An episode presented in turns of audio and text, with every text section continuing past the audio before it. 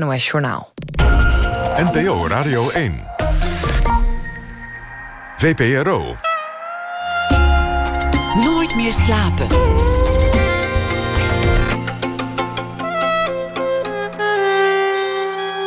Met Pieter van der Wielen. Goedenacht en welkom bij Nooit meer slapen. Een jongen die even op zijn mobieltje kijkt. Een straatdanser die wankelt en zijn evenwicht verliest. Of een landschap net voor de grote regenbui losbarst. Het portier van de auto is nog te zien in een voorbij razend landschap. Korte momenten die Koen Vermeulen vastlegt in een snapshot en dan met de grootste zorg in een schilderij omzet met ouderwetse olieverf. Zijn schilderijen zijn te zien in de kunsthal in Rotterdam en hij komt zometeen op bezoek na ene schilderijen ergens tussen eeuwig en kortstondig abstract en realistisch. Diederik Stapel, filmfanaat en hij is nog veel meer, zoekt een film bij de verstreken dag, daar waar fictie en werkelijkheid elkaar ontmoeten. Maar we beginnen met Walter van Berendonk. Van hem is een uh, tentoonstelling te zien, ook in Rotterdam, in het Wereldmuseum. Ooit hoorden ze bij elkaar Anne de Meulemeester, Dirk van Sane, Dries van Noten en nog een paar. De Antwerpse zes grootheden die van Antwerpen een prominente modestad hebben gemaakt. Nog altijd ziet de hele modewereld en ook de kunstwereld rijkhalsend uit naar de shows van Van Berendonk in Parijs. De rockband U2, maar ook de Parijse opera, het merk IKEA, maar ook de vuilophaaldienst van Antwerpen hebben hem allemaal wel eens gevraagd iets voor ze te ontwerpen. In het Wereldmuseum in Rotterdam opent hij een tentoonstelling die hij heeft samengesteld en ingericht. The Power of Masks. En het gaat daarin om maskers. In de kunst, in de mode, in verschillende culturen, in subculturen, in de SM-wereld bijvoorbeeld. En Walter van Berendonk, die heeft ze ook allemaal bij elkaar gebracht op een eh, interessante manier die iets zegt over zijn manier van kijken. Walter van Berendonk werd geboren in 1957. Hartelijk welkom. Goedenacht. En dat, uh, dat, dat gebeurde in uh, Brecht, geloof in ik. In Brecht, ja, ja, in de Kempen. Uh, niet ver van Zandhoven, waar ik nu woon. En ook niet ver van Antwerpen. Hoe was het om daar op te groeien? Was er mode waar je opgroeide in zo'n dorp? Nee, nee, nee, helemaal niet. dit was... ehm, ik ben opgegroeid uh, begin jaren zeventig in een dorp waar dat er echt helemaal niks uh, gebeurde. En ik heb pas uh, veel later, ik denk een acht jaar later, uiteindelijk door naar Antwerpen te verhuizen en daar te gaan studeren, mijn roeping gevonden en ook de academie gevonden en ook eindelijk begonnen aan, ja, aan de opleiding mode. Was er ruimte om anders te zijn in een dorp? Toch wel, ja. Er waren, ik bedoel, het was het moment van David Bowie, de glam rock. En ook een moment dat, uh, waar dat ik mezelf ook ontdekte en uit de kast kwam. Dus het was echt een heel boeiend moment. Maar uh, met voldoende toch, vooral uh, omdat mijn ouders toch wel ruimdenkend waren, voldoende ruimte om mijzelf te ontplooien en ook ja, op avontuur te gaan. Wat betekent dat om uit de kast te komen in, in, in de campen?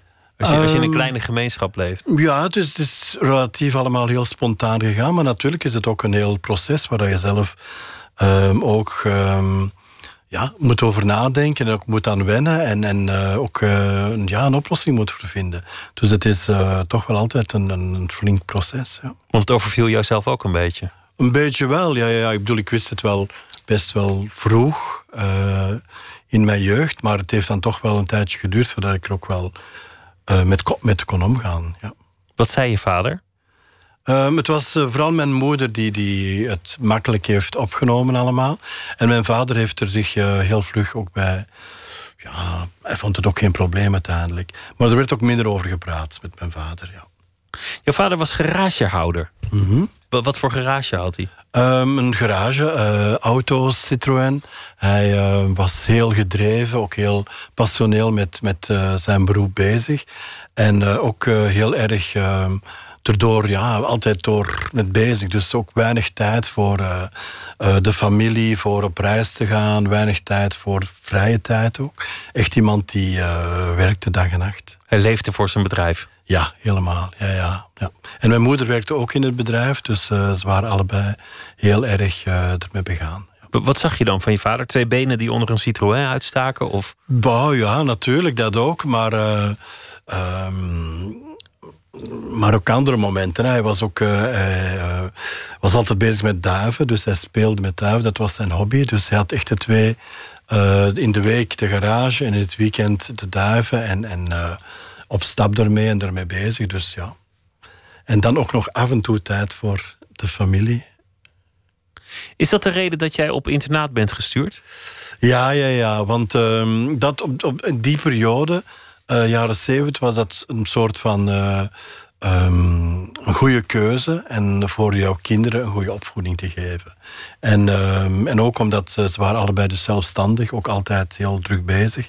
Mijn grootmoeder leefde wel bij mij, dus die, die heeft ook wel voor mij gezorgd.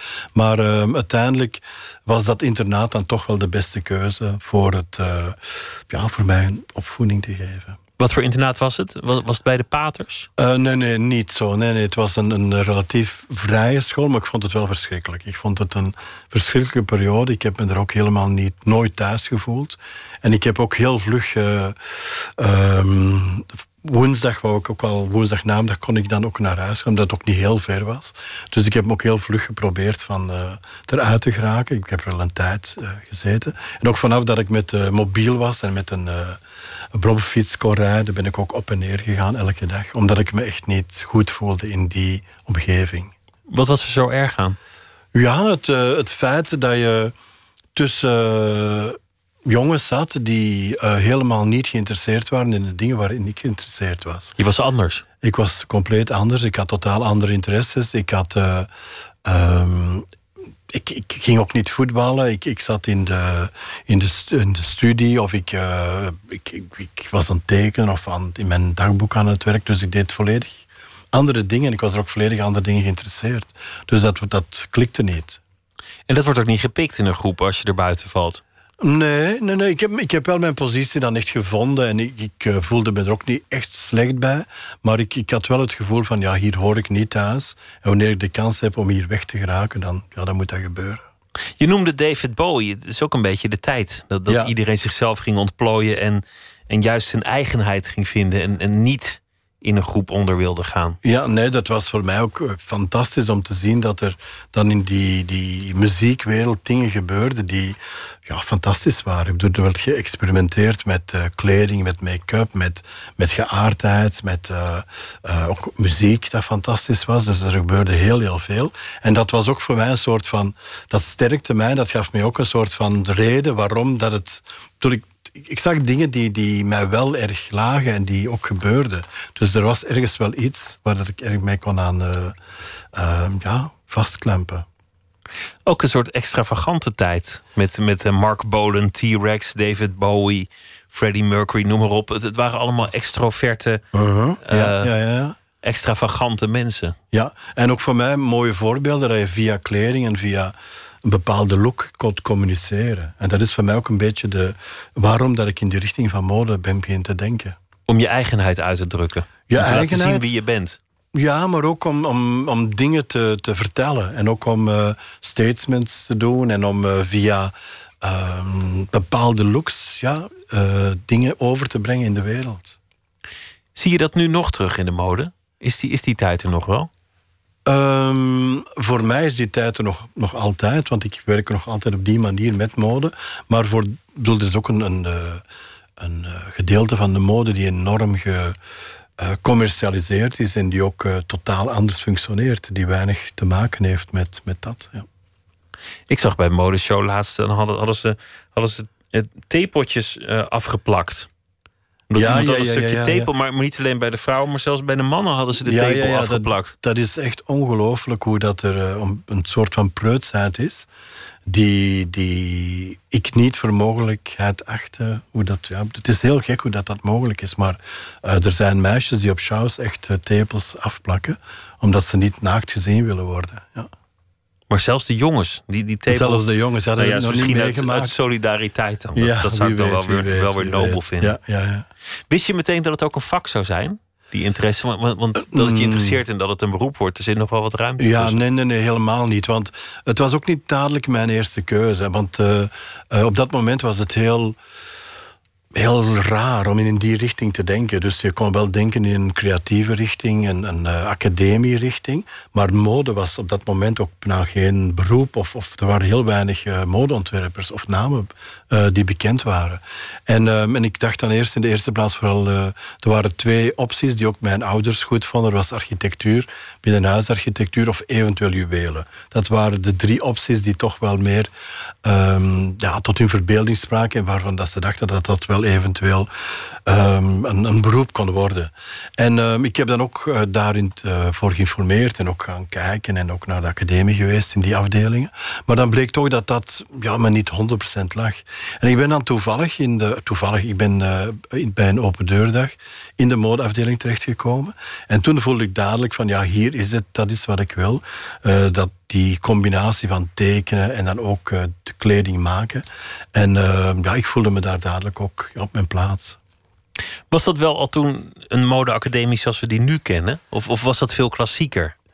Het is heel vergelijkbaar, want uiteindelijk het is, uh, het was een academie, het is nog altijd een academie nu. En waar dat ja, op een, op een relatief, vond ik denk wel, wanneer ik nu terugdenk aan die tijd, op een relatief moderne manier werd omgegaan met, met kleding.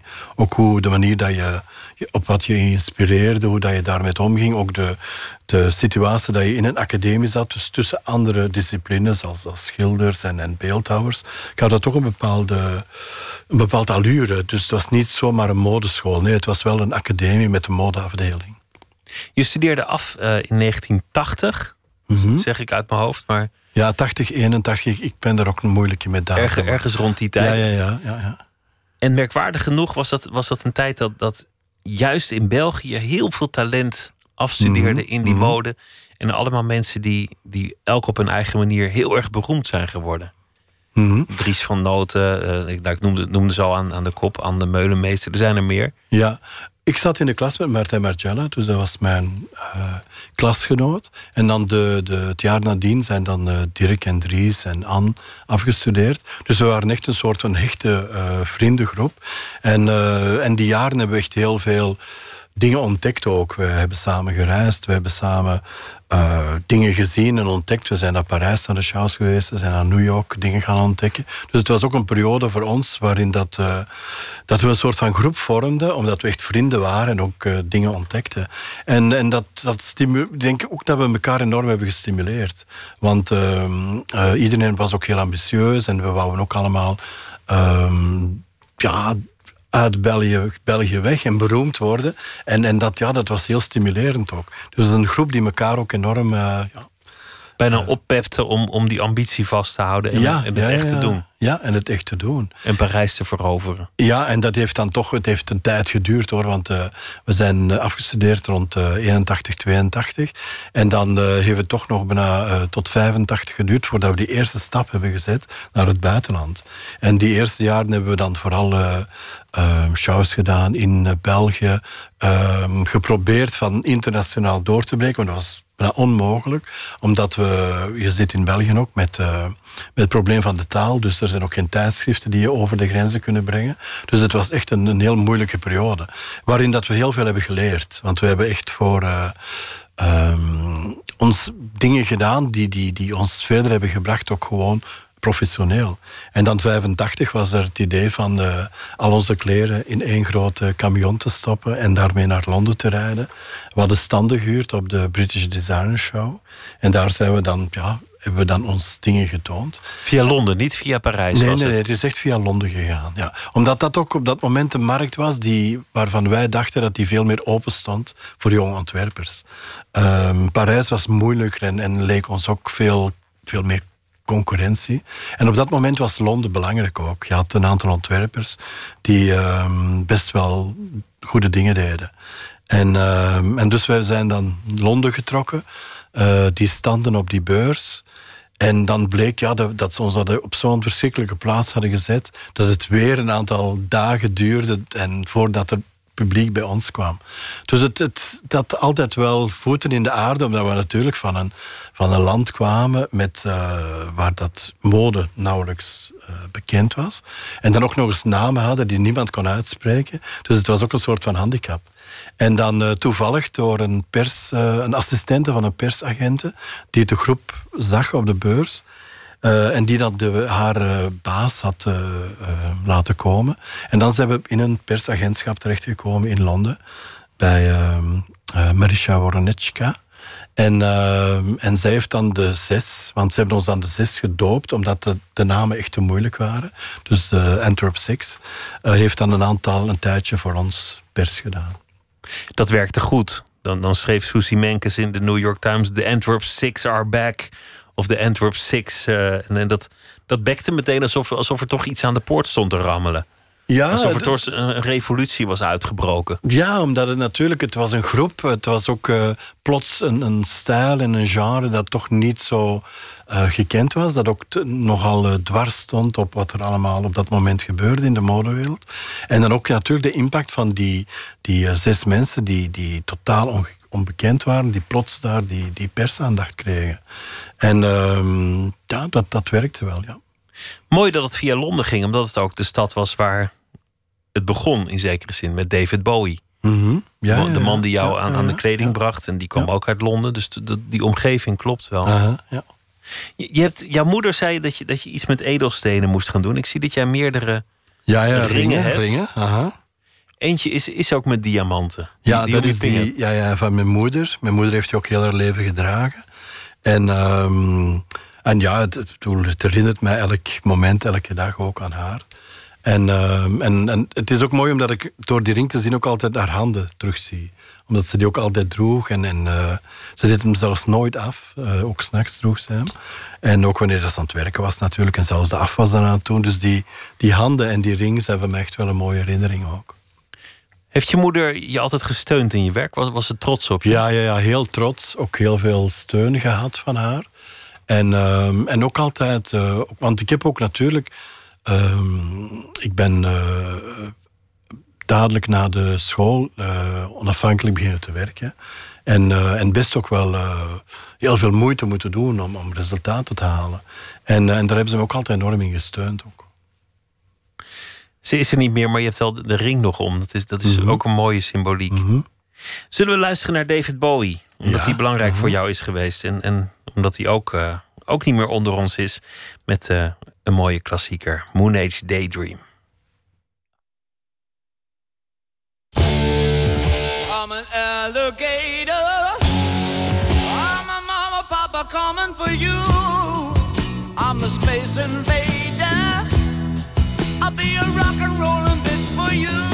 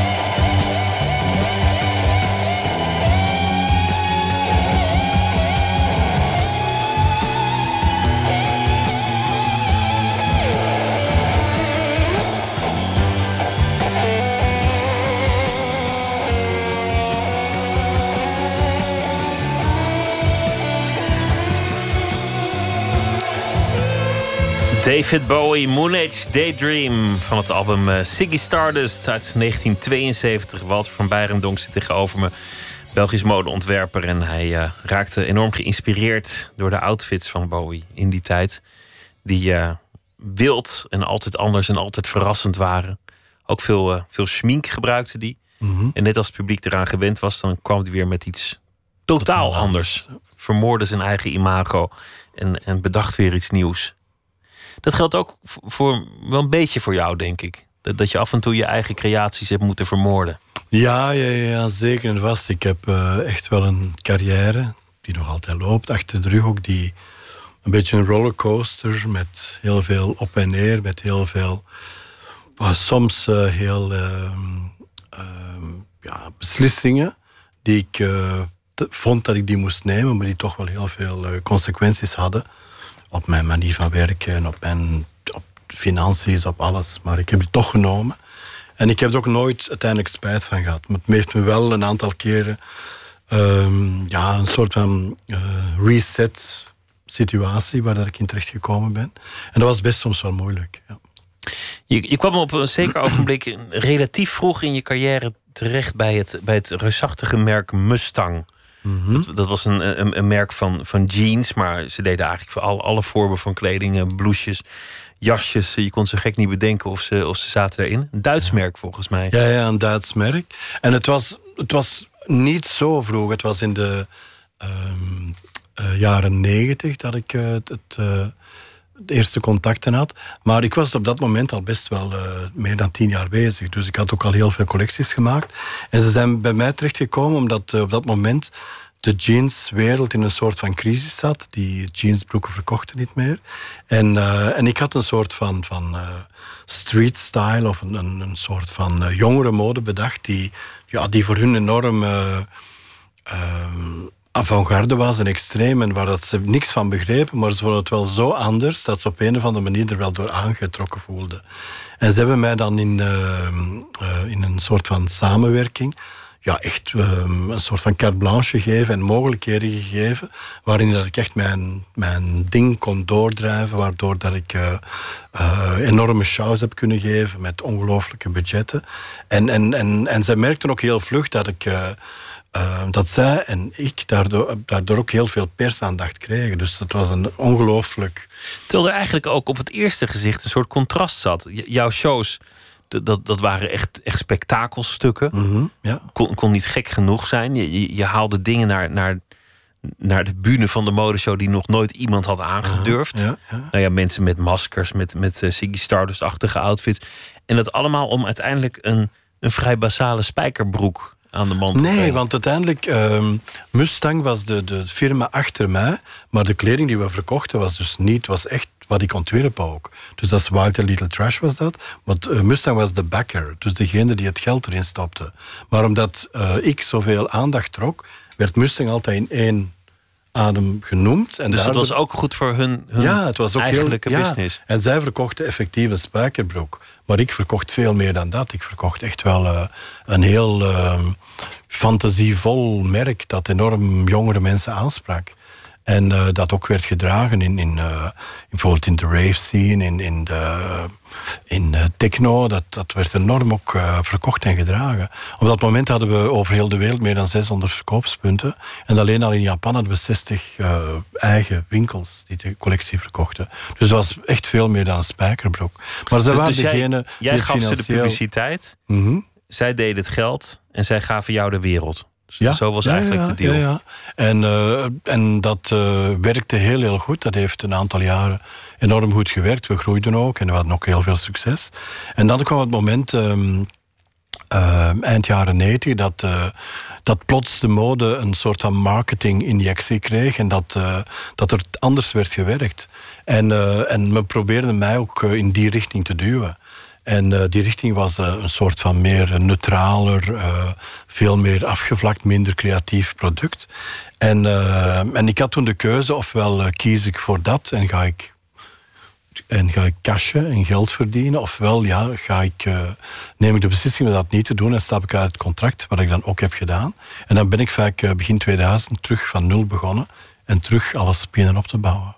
Want het lukte je niet om, om met, met iemand naast je die wat commerciëler ingesteld was, een soort, Nee, soort het- zakelijk mannetje naast je, dat, dat te gaan doen. Nee, het, het, het woord commercieel heb ik ook geen problemen mee. En dat is ook iets wat ik... eh, ik, ik werk ook soms heel commercieel. Maar hier was vooral het eh, probleem dat eh, iets aan mij werd gekoppeld... waar dat ik helemaal geen affiniteit mee had. En waar dat ik mijn, mijn persoon niet wou achterzetten. Dus het, eh, voor mij was dat product dat werd gevraagd... helemaal niet dat klopte met wat ik wou doen. En, ehm, en, en vandaar die, die radicale beslissing ook. Een ongelukkig moment. ongelukkig moment. Maar ik bedoel, had ik toen gekozen voor het andere, dan had ik nu hier misschien niet gezeten. Want dat ongelukkige moment heeft me terug in een soort van nieuwe richting geduwd, een kleinschalige richting, eh, waar dan, waarin dat ik dan eh, heb kunnen, ben kunnen evolueren en waar dat ik nu ja, ook eh, een beetje de vruchten van, van kan plukken. Je moest de gouden ketting doorknippen.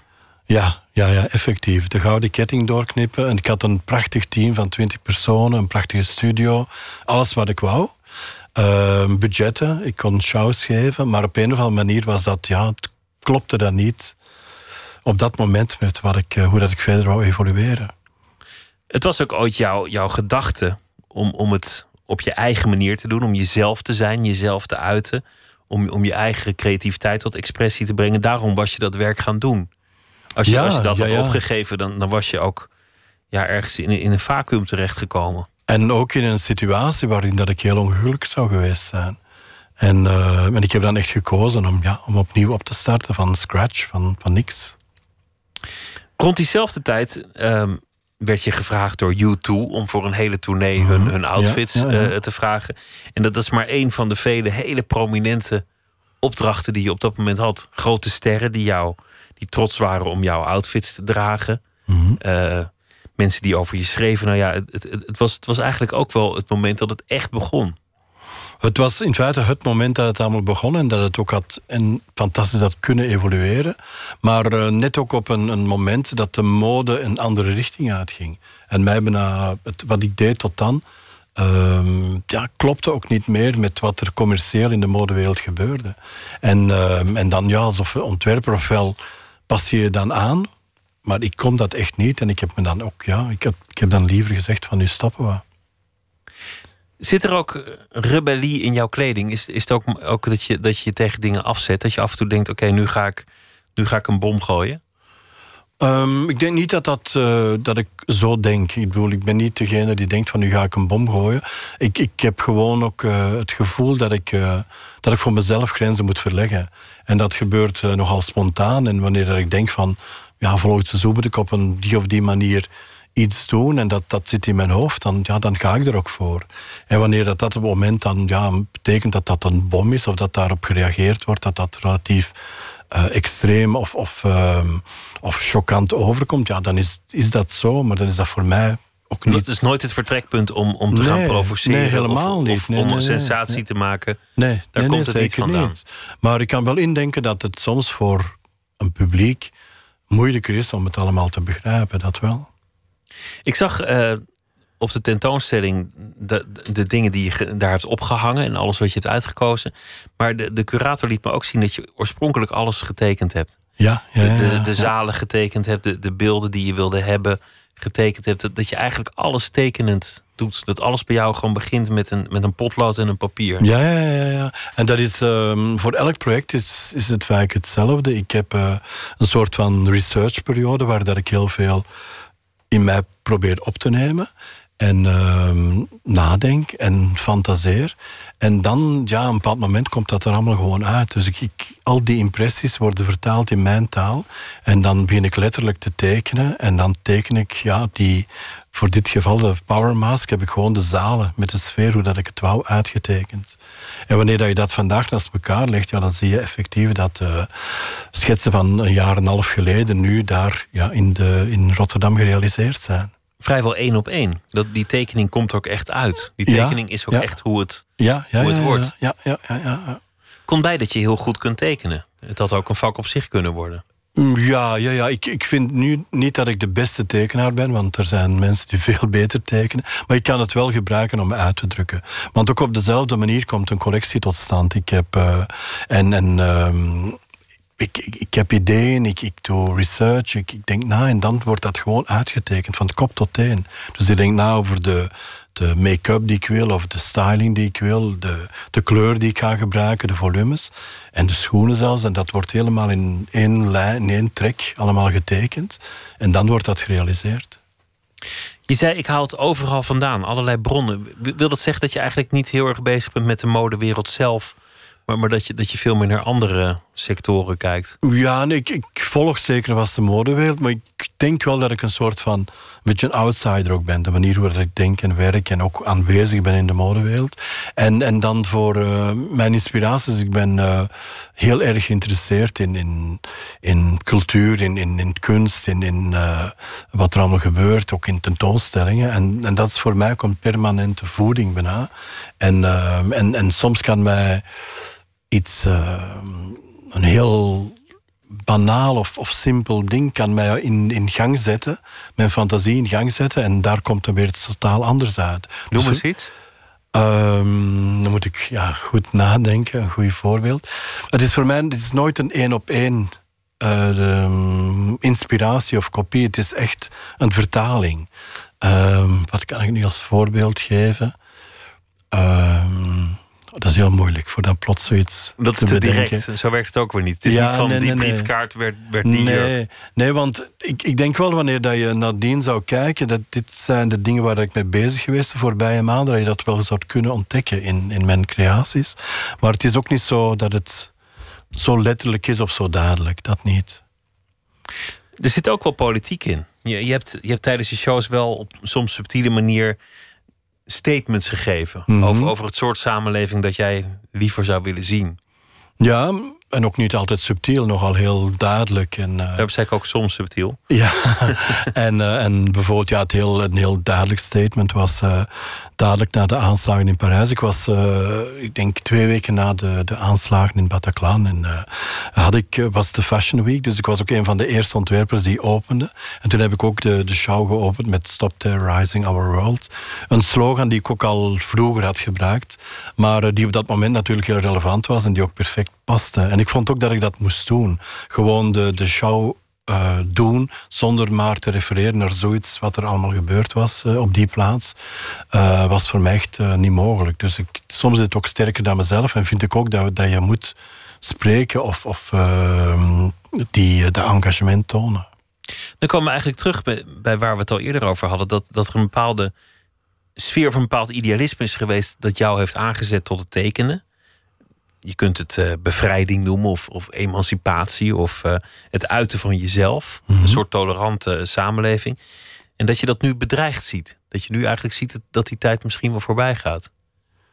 Dat geldt ook voor terreur. Immers, dat, die proberen ook dat, die tolerantie te vernietigen. Ja, ja, ja. Nee, nee, want dat is ook iets dat, uh, dat, dat gevoel van, van dat die tolerantie verdwijnt en dat je uiteindelijk een soort van vrijheid die je heel je leven nastreeft, dat die ook minder en, minder en moeilijker wordt. Ik vind dat heel, heel frappant ook. Dat, uh, ik dacht ook dat we een totaal andere evolutie zouden doormaken. Toen dat, dat ik denk hoe, dat ik jong was en wat er dan die, die, die jaren nadien allemaal is gebeurd en hoe dat je jezelf ook uh, vrijer en vrijer voelde. En dan de evolutie van de laatste jaren vind ik ook wel heel choquant. Dat dat nu in die richting uitgaat voor bijvoorbeeld homoseksuelen, maar er zijn eigenlijk heel veel vormen van ja, emancipatie ja, ja, die worden teruggedraaid. Ja, ja, ja, ja, Wat vind je van de modewereld? Ja, er is haat en liefde natuurlijk, hè, want het is uh, een heel. Uh, ik denk dat jullie dat gehaaid zouden noemen. Maar uh, het is in feite een verschrikkelijke wereld. Want daar is zoveel. Het, het draait de eerste plaats allemaal rond geld. Er is heel weinig, uh, vind ik, uh, creatieve interesse. Dus uh, er zijn wel een aantal ontwerpers die dat toch altijd ehm, trachten te doen en willen doen. Maar eh, het, het gros van, van, van de firma's die in de modewereld zitten, denken alleen aan geld verdienen. En hoe dat, dat gebeurt, ja, daar wordt ook... ja, ze gaan over lijken. En dat is, vind ik ja, soms zo extreem en, en zo zichtbaar dat het uh, heel gênant is. Ik vind het soms uh, niet aangenaam om die wereld ja, te werken. Is dan ook ongemakkelijk als jij politiek of, of een maatschappelijk ideaal die wereld inbrengt? Als jij tijdens die Parijse modeweken op, op de catwalk ineens over iets dat in de samenleving gaande is begint? Ehm, dat is ook weer, eh, dat heeft uh, echt wel te maken met mijn manier van mode maken en mijn manier van te communiceren met de pers en met mijn klanten. En dat wordt enorm geapprecieerd ook. Door, door de pers en jouw klanten, maar de modewereld zelf? Ja, ik weet niet. Ik denk niet dat die daar ehm, echt problemen hebben, maar ik weet ook niet dat ze mij wel serieus nemen. Dus dat is ook een heel rare situatie. Vandaar dat ik mij ook een outsider voel. En ik weet wel dat dat gelijkgestemde daar wel positief zullen over nadenken, maar het zou ook kunnen dat bepaalde uh, firma's of, of uh, bedrijven dit, dat ook belachelijk vinden. Dat ik dat doe, dat zou kunnen. Maar uh, ja, dat, dat stoort mij ook niet uiteindelijk. Uh, dat moet ze zelf maar weten. Dat dan. moet ze zelf maar weten. Ik moet me ook niet verantwoorden voor wat ik doe. Of ik moet me ook niet op een bepaalde manier gaan, gaan gedragen, omdat dat hoort of niet hoort. Dus dat moet ze zelf maar weten, ja. Laten we gaan luisteren naar uh, een Amerikaanse band. Beirut heten ze. Ze zijn uh, opgericht door de zanger Zack Condon. Hij heeft lang in uh, Europa gewoond. En hij is onder meer door de Balkanmuziek geïnspireerd. Het album heet No No No uit 2015 en het nummer heet At Once.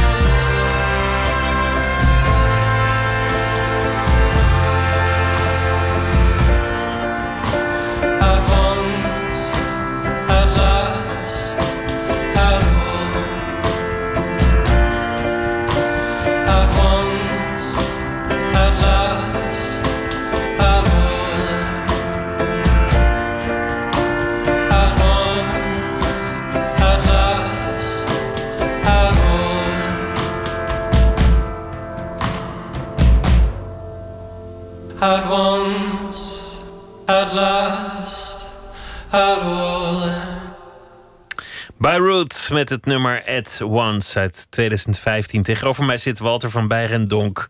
Hij is geboren in 1957, groeide op in de Kempen waar hij inmiddels ook weer woont. Zijn vader had een garagebedrijf hard voor de zaak.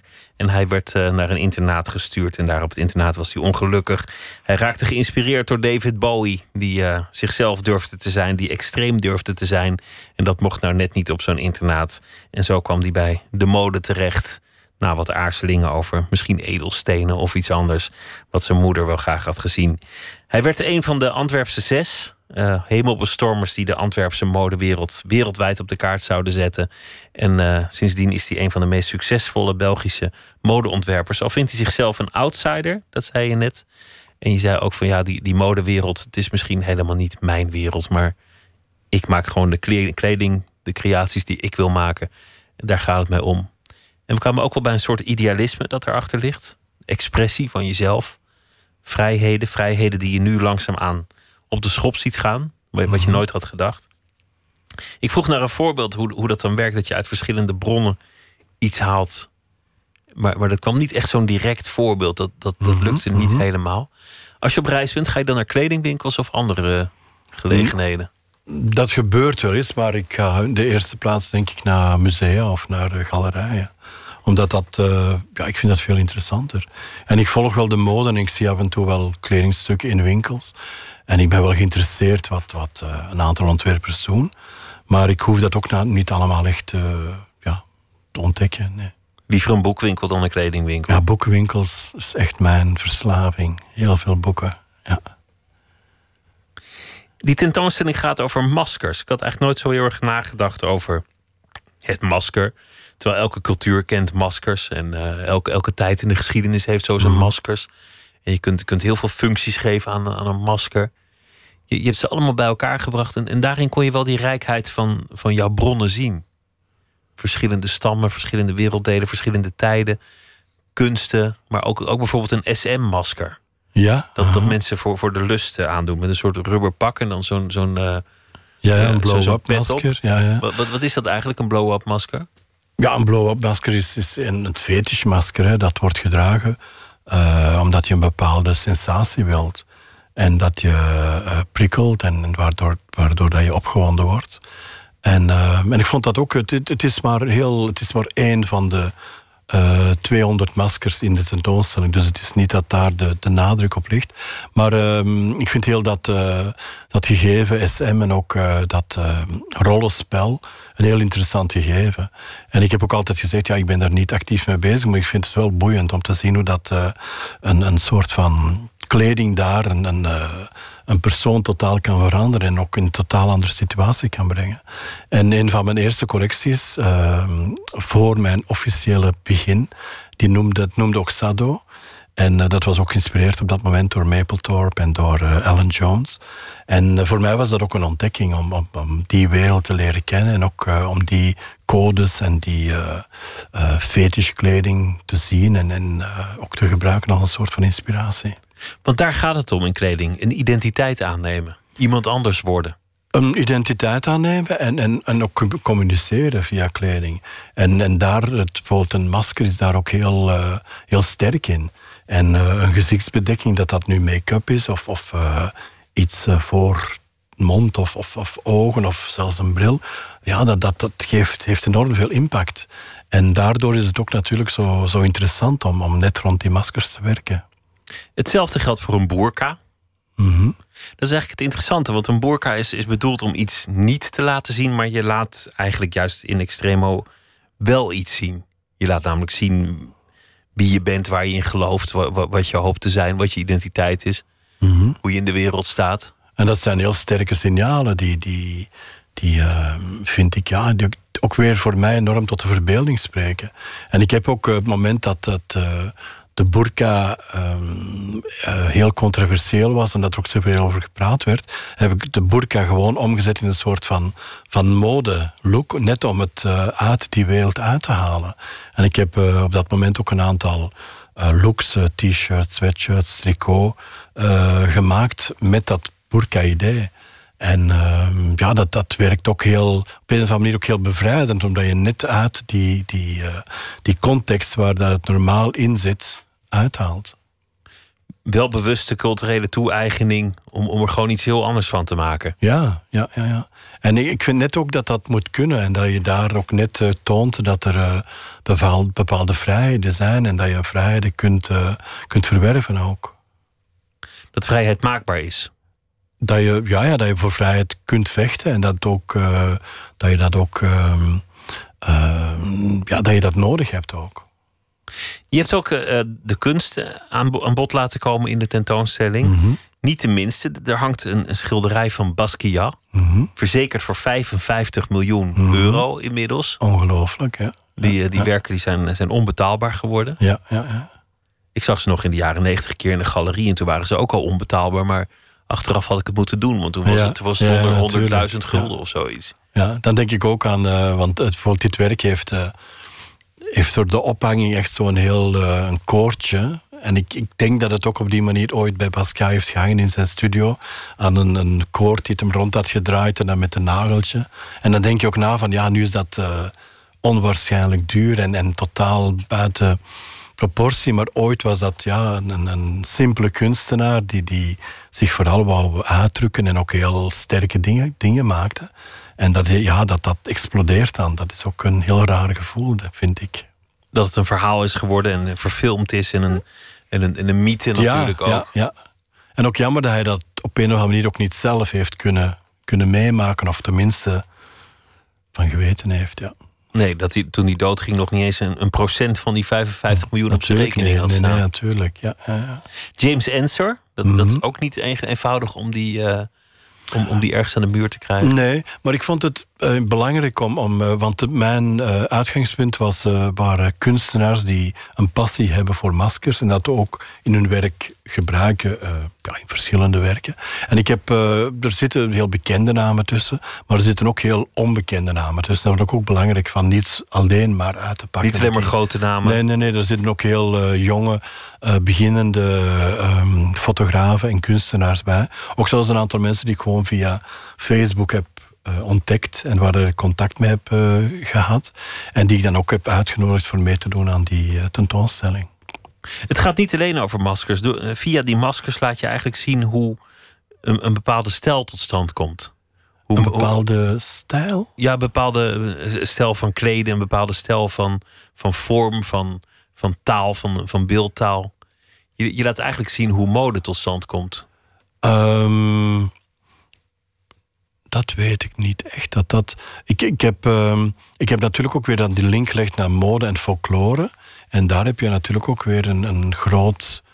ehm, ja, een soort van vlak dat dat dan via die maskers ja, naar kleding gaat. Dat wel. Maar ehm, voor mij is het niet altijd letterlijk dat het Iets met mode te maken nee, heeft. Nee, nee, nee, nee. Ik wou wel eh, voor deze tentoonstelling er ook mode bij betrekken. Natuurlijk omdat het vanuit mijn oogpunt is. En dat ik ook interessant vind dat we, dat we daar ook een vertaling doen. eh, van meestal etnografische maskers naar, ehm, ehm, naar vandaag. En dat dat masker nog altijd heel actueel is. Vandaar ook de link naar, naar Björk bijvoorbeeld. Er zijn twee maskers in de tentoonstelling die Björk draagt, eh, gedragen heeft op haar optredens. Ook een van Kylie Minogue. Omdat dat net ook, ja, dat is nog altijd heel actueel ook, dat masker. Dus folkloremaskers van mensen die, eh, die een soort berenritueel hebben en dan als beer verkleed gaan. Of, eh, of, of iets met een, met een penis als neus, een soort vruchtbaarheidsritueel. Maar tegelijk ook popsterren die ook een masker dragen. Of eh Ja, ja, ja, die het schilderen. Alle, alles wat ermee te maken heeft. Ja, alles wat, wat ik spontaan gekozen heb en dat ik dacht dat kan in een tentoonstelling. En, eh, en, dat heeft, en ook, ik heb ook geprobeerd van daar associaties ook te leggen tussen al die verschillende ja, onderwerpen en, en disciplines. Wonderlijk dat je gefascineerd bent door maskers, terwijl je zelf een enorme baard hebt. Dat, dat is ook een soort, ook een soort, van masker. Ja, ja, ik denk het wel. Ja, ja. Ik ben ook ehm, eh, heel verlegen. ik eh, ben ook niet iemand die heel. eh, ja, die, die, die makkelijk communiceert. Dus ik ben ook wel iemand die daar een stap moet voor zetten. En ik denk ook dat die, die baard voor mij een soort van buffer is. Ook en een soort van. Ook een het- masker. ja, het, ook het, het imago dat ik mezelf heb. heb waar dat ik voor gekozen heb, is ook net een soort van, van masker, denk ik. Ja. Dat is interessant, om, omdat je, dat je het eigenlijk de hele tijd hebt over, over expressie. Over, over voorbeelden Ja, die heel extravagant zijn, juist jezelf willen uiten. En die verlegenheid lijkt daarmee in, in, in tegenspraak op de een of andere manier. Dat jezelf juist ook, ook willen verstoppen. Willen Ja, verschuilen ja. achter, een, achter een enorme baard. Ja, maar ook op hetzelfde moment heb ik ook dat gevoel dat ik, dat ik me net wil, dat ik daar straks ook zei, mijn grenzen wil verleggen en ook wil verder wil gaan. En, en waardoor dat ik denk ik ook wel eh, durf eh, van nogal extreme beslissingen te nemen. En, en dat vind ik net ook interessant ook. En, en dat staat ook los van mijn persoon. Want het is, wil ook niet zeggen dat... En dat is ook een, een heel goed voorbeeld. SM, het is niet dat je in iets geïnteresseerd bent... of dat je rond iets wilt werken... dat je er ook actief moet voor, met bezig zijn. En, en dat vind ik net ook interessant. Dat ik ook eh, in werelden kan terechtkomen. Dat ik ook mijzelf kan verplaatsen in situaties... die, ehm, die ver weg van mij zijn... maar die ik toch wel heel boeiend vind. Is het ook dat je, dat je vindt van jezelf dat je, dat je een, een, een, bloot gezicht hebt? Is- Zou het naakt zijn als je hem nu nog zou nee, afscheren? Nee, nee, want ik heb eh, mijn baard laten groeien eh, begin jaren negentig, dus best lang, lang voordat het eh, Tot het mode, werd. modieus Ja, werd, ja, ja. En, eh, en, en ik voelde toen ook eh, door die baard te laten groeien, had ik ook een soort van ehm, contact met een wereld die ik ook wou, eh, waar ik ook contact mee wou hebben. En dan, dan spreek ik ook over die bear scene die op dat moment begon te komen. Dus die, die, die volle mannen die, die dat... eh, Beers, dat- beers dat zijn, zijn, zijn wa- wat gezette, harige mannen Ja, die in de ja. homo-scene eh, met populair baarden. zijn. Ja, ja, ja met, meestal met baarden. En, ehm, en ik merkte ook dadelijk dat, dat, dat ik mijn eigen in die richting dan ook wou, wou uitdrukken. En, en dat was ook een beetje eh, dwars op, wat ik op dat moment deed. Want dat was net op het moment dat ik eh, enorm omarmd werd door bijvoorbeeld die techno-scene met, met eh, een soort van gladde look, heel... heel ehm, kleurrijk, heel veel. En ik, ik, ik, was, ik kleedde me bijna eigenlijk een soort van biker. Dus ik droeg echt ja, de ringen, maar de baard en dan ook jeans jackets met studs. En dus ik had een heel rough imago. En ik, ik weet nog een anekdote dat ik naar Duitsland ging, naar een technoclub. En eh, dat, ik mocht niet binnen, want ik had niet de look van, van het publiek dat er binnen mocht. Maar de meeste mensen die er stonden, hadden kleren van mij aan. Dus het was ook een heel raar contrast. En je had al die kleren ontworpen, maar zelf kwam je er niet in. Omdat je, dat En je dan weer ben, een ik, stap verder ben ik dan toch binnengemogen waar iemand zei van ja, nee, die, die is heel bekend en die heeft die kleren gemaakt en je moet die binnenlaten. Dus ik ben er wel binnen geraakt. Maar dat was ook, eh, ik bedoel, daar bedoel- ik ook mee dat het ook niet allemaal moet kloppen voor mij. Ik kan ook best daar ehm, mezelf ja, eh, met dingen bezig zijn die niet dadelijk bij mij aansluiting vinden. Ik vind zo- zo'n baard dat doet me ook wel denken aan een monnik.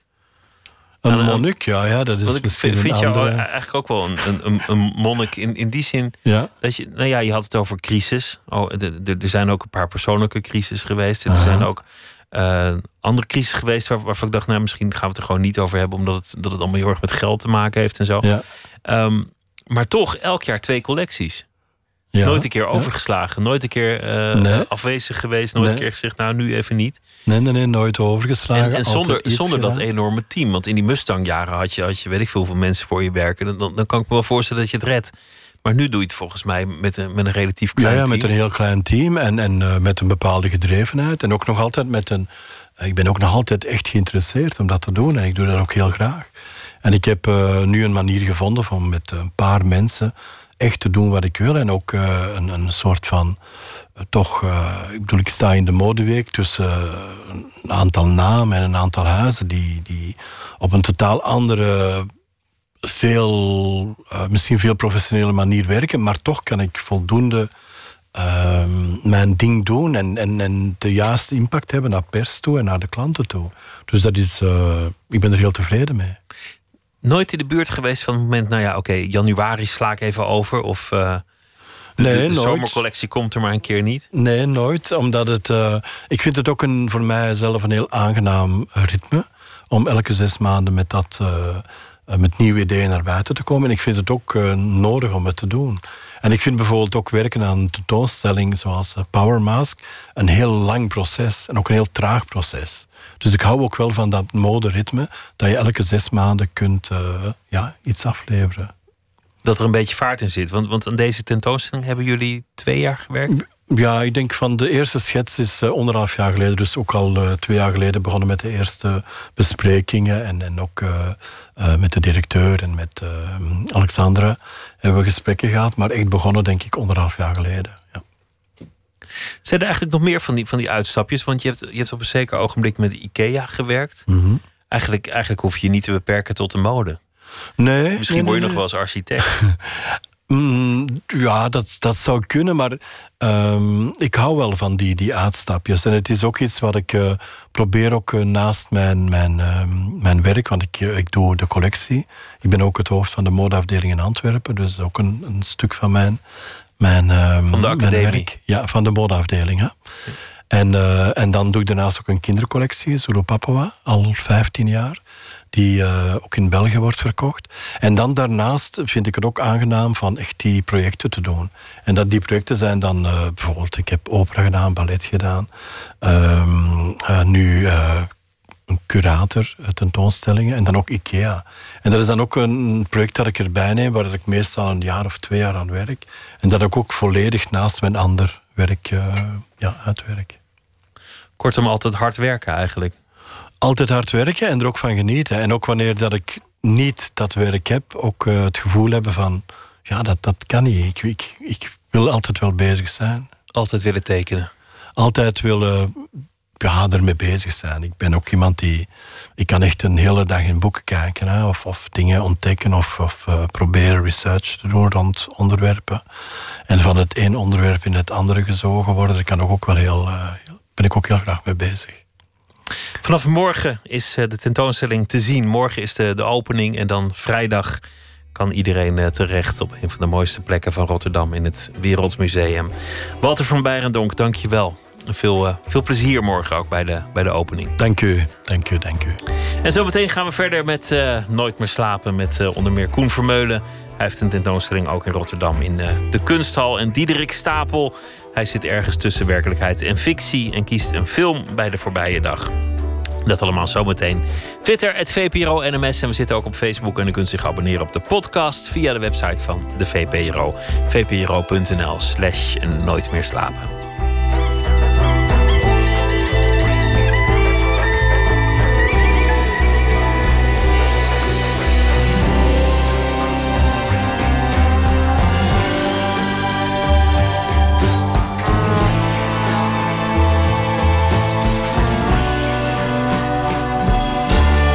Radio 1. Het nieuws van alle kanten. 1 uur, Kirsten Klomp met het NOS-journaal. Bij het verbouwen van stallen worden geregeld de regels overtreden. Daarmee is het risico dat er brand uitbreekt in die stallen flink hoger. Onderzoekers van de Wageningen Universiteit schrijven in een rapport... dat er nauwelijks stallen worden gebouwd die voldoen aan de nieuwe, strengere regels. In plaats daarvan worden bestaande stallen vaak aangepast... volgens de oude en minder brandveilige regels. Staatssecretaris Van Dam wil nu dat ook die regels strenger worden. De afgelopen drie jaar is het aantal stalbranden flink toegenomen. Bij meer dan 100 branden kwamen 370.000 dieren om. De regen heeft in het oosten en midden van het land veel overlast veroorzaakt. De brandweer was vooral druk met omgewaaide bomen en overgelopen putten... waardoor straten onder water staan. In Veenendaal moest een man worden gered door de brandweer. Hij was een tunneltje ingereden waar het water zo hoog stond... dat de motor van de auto afsloeg. In Italië is een partij eieren ontdekt... met flinke hoeveelheden van de giftige stof fipronil. Het gaat om 11.000 eieren uit Roemenië. Ze bevatten de hoogst gemeten hoeveelheid van het luizenbestrijdingsmiddel... tot nu toe in Europa. De afgelopen dagen kwamen bij de Europese Unie tientallen meldingen binnen... over met fipronil besmette eieren uit Italië, Hongarije, Roemenië, Polen en Duitsland. Dat duidt erop dat het middel nog steeds wordt gebruikt. De VSB Poëzieprijs, de belangrijkste prijs voor poëzie in Nederland... houdt op te bestaan. Volgend jaar wordt die voor het laatste uitgereikt. Goede doelenorganisatie VSB Fonds wil zich richten op andere cultuurprojecten... De VSB Poëzieprijs wordt sinds 1994 elk jaar uitgereikt... aan de maker van een Nederlandstalige dichtbundel. De winnaar krijgt 25.000 euro. De laatste winnaar wordt bekendgemaakt in januari. Het weer, op veel plekken regent het, bij minima van 15 tot 20 graden. Morgen overdag trekt de regen weg en dan breekt smiddags de zon door. Er valt nog wel een enkele bui en het wordt 18 of 19 graden. Dit was het NOS Journaal. NPO Radio 1. VPRO. Nooit meer slapen.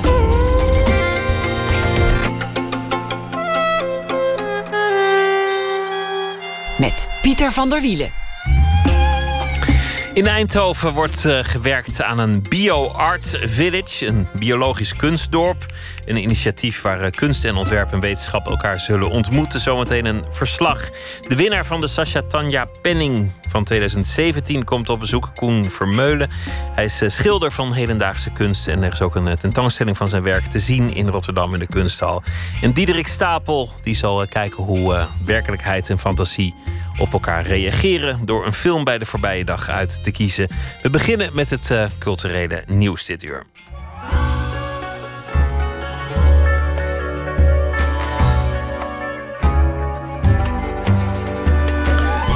Een hoogleraar die zich bezighoudt met de plaatjes van Jip en Janneke en Beertje Paddington. Bij de Universiteit van Amsterdam hebben ze die. Emilie Stitia is aangesteld als bijzonder hoogleraar illustratie. En ze zal de komende jaren zich richten op de relatie tussen tekst en beeld. De Nederlandse jeugdfilm Stormletters van Vuur trekt als een storm over de aarde. Vandaag werd bekend dat de film van regisseur Dennis Bots ook in Amerikaanse bioscopen zal draaien. En dat is inmiddels al het 53ste land waar de film vertoond zal worden. Een antieke stoomwals heeft een einde gemaakt aan een harddisk met daarop het nog ongepubliceerde werk van de in 2015 overleden fantasy-auteur Terry Pratchett. Het was zijn nadrukkelijke wens dat deze verhalen, die nog niet af waren, ook nooit zouden worden uitgegeven en dat ze zouden worden vernietigd. En dat is dus uh, ludiek gebeurd met een stoomwals. Voorafgaand aan de tentoonstelling van zijn uh, boeken hebben zijn vrienden dit uh, voor elkaar gekregen. De Koninklijke Bibliotheek heeft het eh, cursusaanbod van 129 Nederlandse bibliotheken vergeleken en presenteerde de onderzoeksresultaten vandaag. De nadruk ligt tegenwoordig op vaardigheden en dan met name het leren van de Nederlandse taal voor immigranten en laaggeletterden. De Academie van de Kunsten heeft een nieuwe voorzitter, Gijs Scholten van Aschat. En de laatste dag die uh, begint nu voor beeldend kunstenaar Barbara Visser, die de laatste jaren leiding gaf aan de academie. Ik heb haar nu aan de telefoon. Goeienacht. Goeienacht. Met wat voor gevoel ga je weg? Uh, met een goed gevoel. Ik uh, draag het over aan uh, Gijs Scholten van Afschat, die ook lid is van de Academie van Kunsten van het eerste uur en die ook al een tijdje vicevoorzitter is.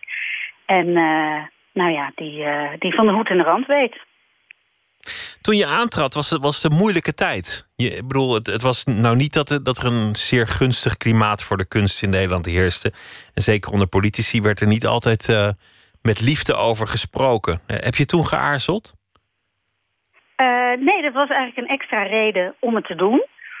Ehm, het, veel slechter kon het niet, zou je bijna zeggen. En um, ja, het, het is ook een moment waarop je zegt... Uh, hoe gaan we het doen? Hoe gaan we het anders doen? En uh, ja, dus eigenlijk crisis is ook wel een moment waarop je uh, naar jezelf moet kijken. En kijken, wat kunnen wij doen? Wat kunnen wij doen om dat beeld te ver veranderen? Om, om, dat, om de liefde weer wat aan te wakkeren?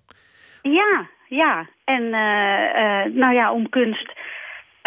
om het belang van kunst uh, neer te zetten. Maar ook om het gewoner te maken op een bepaalde manier. Om te zeggen van ja, het is niet dat bijzondere wat in het museum alleen hangt. Het is, het is ook uh, wat je in het onderwijs doet. Het is ook filosofie. Het is ook uh, met elkaar praten. Ehm, eigenlijk het, het, het, het feit dat kunst onderdeel van de maatschappij zou moeten zijn... veel meer geïntegreerd in het dagelijks leven en minder alleen iets voor de weekends of op scholen de vrijdagmiddag. Dat, uh, dat was een van de uitgangspunten. Hoe staat het er nu voor?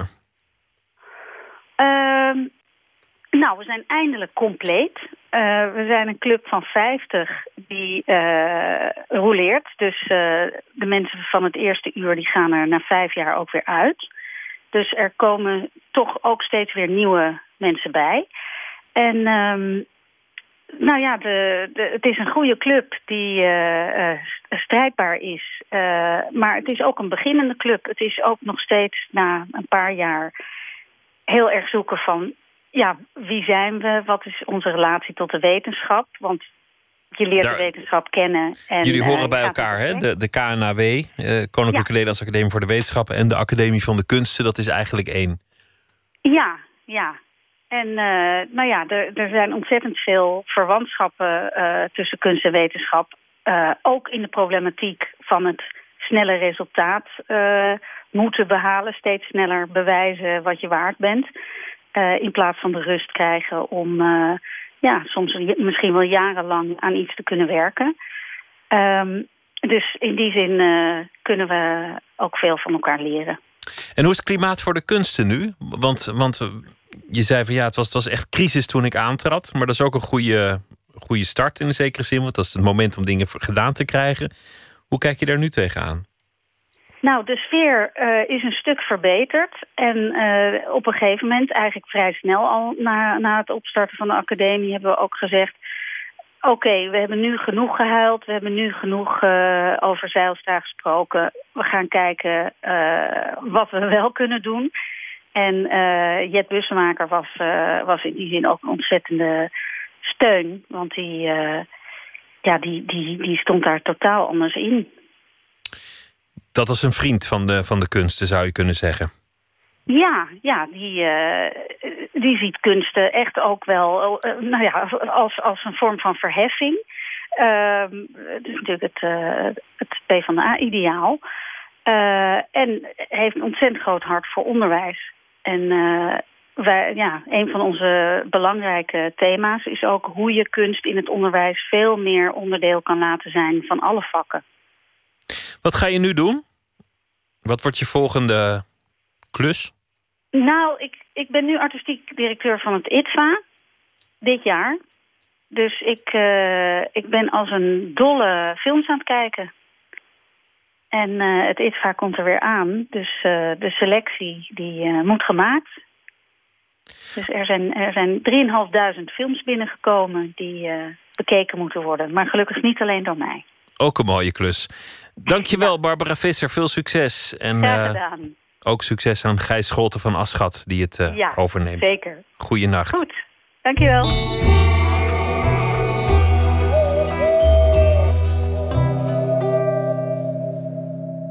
Angus en Julia Stone met het nummer Chateau.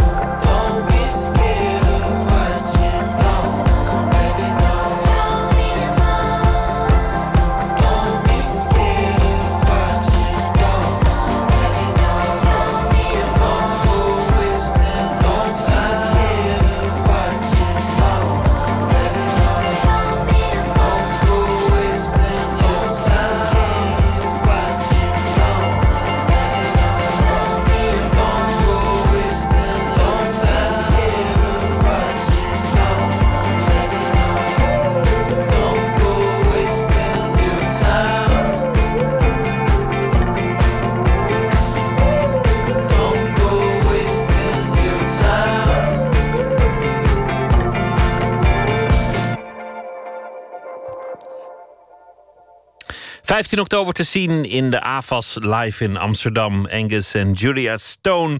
En dit nummer komt van het uh, nieuwe album dat deze maand verschijnt. En dat heet Chateau. Nooit meer slapen.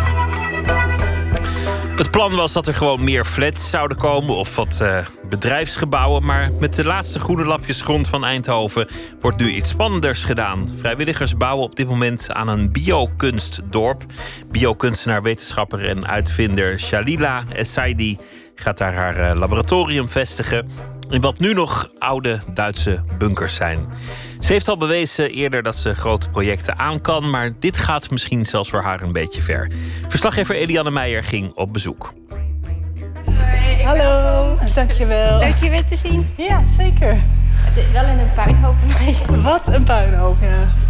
Oh, het ruikt hier ook lekker naar een riool. In een hoekje van een voormalig Philipspand, te midden van een gigantische verbouwing, inclusief soms oorverdovende drillboren, is nog heel even het BioArt Laboratorium te vinden. Van biokunstenaar en wetenschapper Jalila Essaidi. Wil je wat drinken? Ja, ze is klein van stuk, met grote nieuwsgierige ogen. En ze lijkt sinds ik haar voor het laatst zag geen spat ouder geworden. Er staat een hele kas hier, joh. Ja, er zitten uh, mijn Golden Orbeavers in. Er zijn nog allemaal uh, jonkies. Oh ja, ik zie ze nu hangen. Ik, ik, zag ze helemaal niet. Maar ja, ze zitten los in de kast. Ja, nee, ik was op zoek naar die hele grote. Want die, die, van die knikkers als, uh, als lijfje ja. hebben die. Hè? Ja, ik kan je straks wel dode exemplaren laten zien. Ja, graag. Zo'n zeven jaar geleden sprak ik Essaidi toen ze haar kogelwerende huid had ontwikkeld. Een mensenhuid versterkt met de spinnenzijde van de spinnen die ze dus nog steeds kweekt. Maar inmiddels zijn er tal van projecten bijgekomen. Zoals sinds vorig jaar de vinding Mestic. Van de cellulose uit mest maakt Essaidi biotextiel en bioplastic. En dat heeft al geleid tot een jurk van koeienpoep.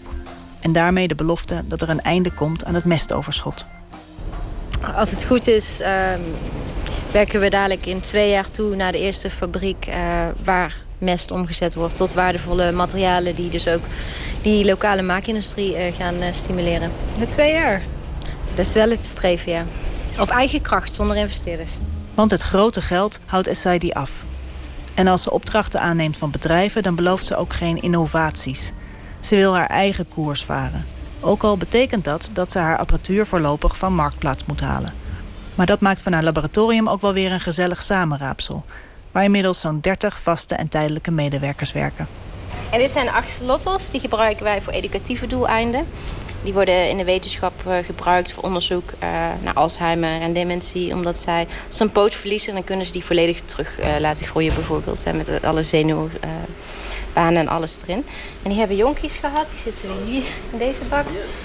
En in die bak daar zitten weer allerlei algen die opgekweekt worden. En daar groeit weer azolla op. En azolla is een, bijvoorbeeld een waterplantje wat uh, verantwoordelijk is geweest voor onze ijstijden. Omdat het heel veel CO2 uh, opneemt. Dus dat zijn we samen met gebiedsontwikkeling Eindhoven aan het onderzoeken. Of uh, bij het vliegveld bijvoorbeeld of je azolla kan uitzetten om CO2 op te vangen. Dit is weer een, een samenwerking met een partij hier ook in Eindhoven die met aquafonics systemen werkt. Dus uh, op water, uh, waar dan forellen in zitten. Binnenkort gaan Jalila Essaidi en haar organisatie verhuizen.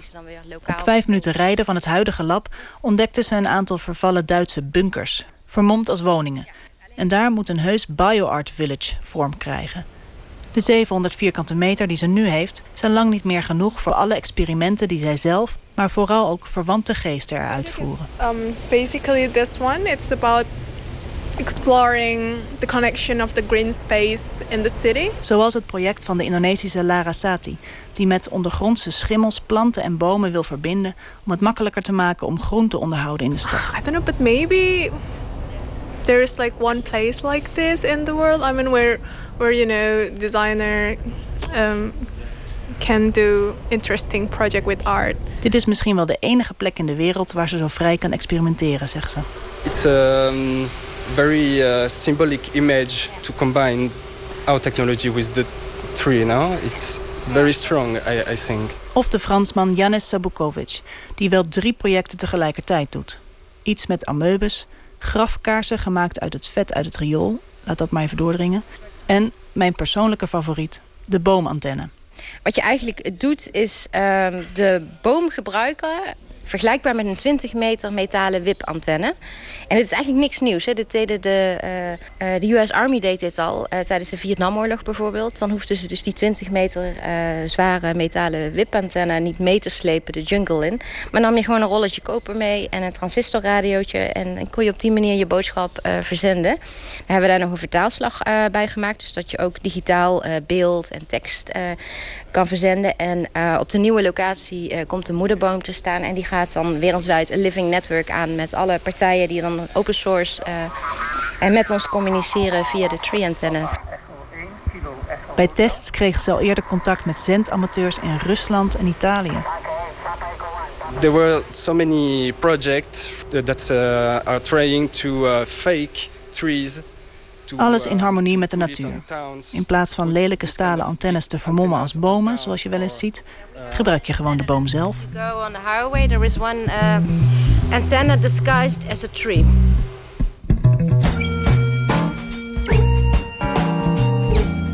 Waar wij dus als organisatie erg op gefocust zijn, het gebruik van natuur in technologie. Uh, want uh, bijvoorbeeld die spinnenzijde die ik zelf heb gebruikt. Als je dat vergelijkt met staal ja, staal heeft natuurlijk, eh, dat hebben wij man-made gemaakt. Maar als je kijkt naar de natuur en miljoenen jaren trail en error... die spinnenzijde die heeft uh, ja, een veel langere tijd gehad uh, voor zijn uh, R&D. En heeft, kun je dus sterker dan staal noemen. Goed, wij gaan naar het dorp, hè? Naar het dorp. Het dorp in wording. het dorp in wording. In het BioArt Village, gelegen in het groen... moet het allemaal nog meer tot zijn recht komen. Als we daar aankomen zijn vrijwilligers een aantal bomen aan het omzagen om voor wat meer licht te zorgen. En er wordt een partij tweedehandse zonnepanelen het dak opgehezen. Ja. Koen? Wat doe je hier zoal? Uh, ik ben uh, hier uh, gekomen om het technisch te ondersteunen. Op het, er moet een solarinstallatie worden aangelegd, off-grid installatie. En daarvoor ben ik hier DJ aan het helpen wat de hoofd... Uh, technische, technische dienst. En uh, ik, uh, dat, ik verleen mijn expertise. Ja, om, om het hier dus zelfvoorzienend te maken? Ja, ja, ja. Nou, dat is, uh, ja, ik bedoel, als je een enorme klap geld er tegenaan gooit, dan is het simpel. als het op, ja, op deze manier, op een innovatieve manier moet gebeuren, dan wordt het wat moeilijker. Dus dat dan is vooral heel interessant. Ja. ja, je moet een hoop mensen kennen. We hebben nou een bus vol met dingen die normaal erg veel geld kosten. En dan gaan wij testen en kijken wat er nog van bruikbaar is om het low budget aan de gang te krijgen. Binnen een hele korte tijd. We gaan het gebied echt ontwikkelen met kweekvijvers, botanische tuinen, uh, allerlei organismen. Dus echt die, weer, die inspirerende omgeving uh, die je net zag in het lab. Maar dan in een dorp, village waar iedereen naartoe kan komen om te leren, om, om, om te komen. Ja, je zei net in het lab ook dat je dat gemist hebt als kind. Ja, op school. Je leert vakken. Je leert een vak als Nederlands, wiskunde, biologie. Maar je leert niet de verbinding en het waarom. Waarom je het moet leren. En wat wij doen... Er wordt er weer een boom omgezaagd, een stukje verderop lopen. Ja. Ja. wat, wat, wat we eigenlijk doen met, met, uh, met BioArt Laboratories... en, en waarom uh, vanuit educatie ook heel veel interesse is... je werkt vanuit waarom je probeert te snappen hoe dingen verbonden zijn. Als je kijkt naar die axolotls, ja, ze hebben met onderzoek naar Alzheimer, naar dementie, maar ze hebben ook met historie, die Mexicaanse grotten waar ze bijna uitgestorven zijn. Het, het heeft met alle vakgebieden die je leert te maken. En daardoor is leren leuk, want je snapt waarom je het doet en, en hoe het werkt. En, en je wordt steeds nieuwsgieriger en wil meer leren. En uh, het, het is heel belangrijk uh, dat dat weer eigenlijk gewoon een essentieel onderdeel wordt van onze samenleving. Dat we dat omarmen en dat, dat we niet alleen zien van... oké, als je een kunstenaar en designer in een lab gooit... dan kan er innovatie uitkomen en dat kan een marktwerking hebben... en dan kunnen we economisch weer vooruit gaan. Nee, er is meer dan geld. Geld is een middel.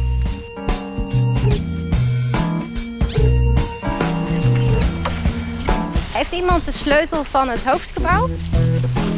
En zou je die open willen maken? Ja. Nee, dit gaat hoog. Ik hou Mooi, hè? Oh, het ruikt hier helemaal vochtig. Ja, het is echt alsof je een kelder instapt. Koud ook, ja. Ja, dus... Dikke muren. Ja, maar alles is er ondertussen uitgestript door krakers. Dus ja. er is niks van verwarming. Geen leidingen meer, geen verwarmingen. Oh, diep. Er is een enorm gat in de vloer hier. En dan kom je in de sigarenkamer waar de generaals eh, voor de open haard de sigaren zaten te roken. En ik probeer het uh, een beetje te ruiken, maar volgens mij is de sigarenlucht al weggetrokken na 60, 70 jaar. Ja, maar dit gaat de ontvangstruimte worden voor alle bezoekers. Je ziet het echt helemaal voor je, hè? Ja, we hebben het uitgetekend en zo, hè? Nou ja, hier wordt opslag voor materialen. En dan ga je via deze deur kun je naar het ondergronds eh, stelsel gaan. Dat gaan wij niet doen, want die staat onder water. Dat is gevaarlijk.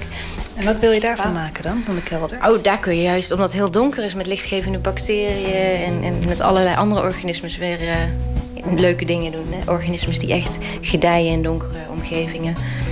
Maar ja, dit is natuurlijk ja, als werkomgeving heerlijk. Ja, je kijkt gewoon direct uit op het bos. Ja. ja.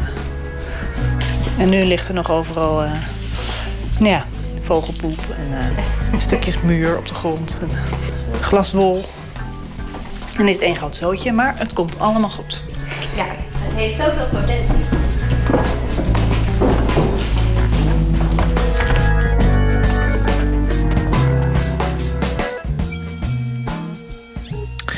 Shalila Essaidi over uh, de BioArt Village in Eindhoven, wat het uh, moet worden.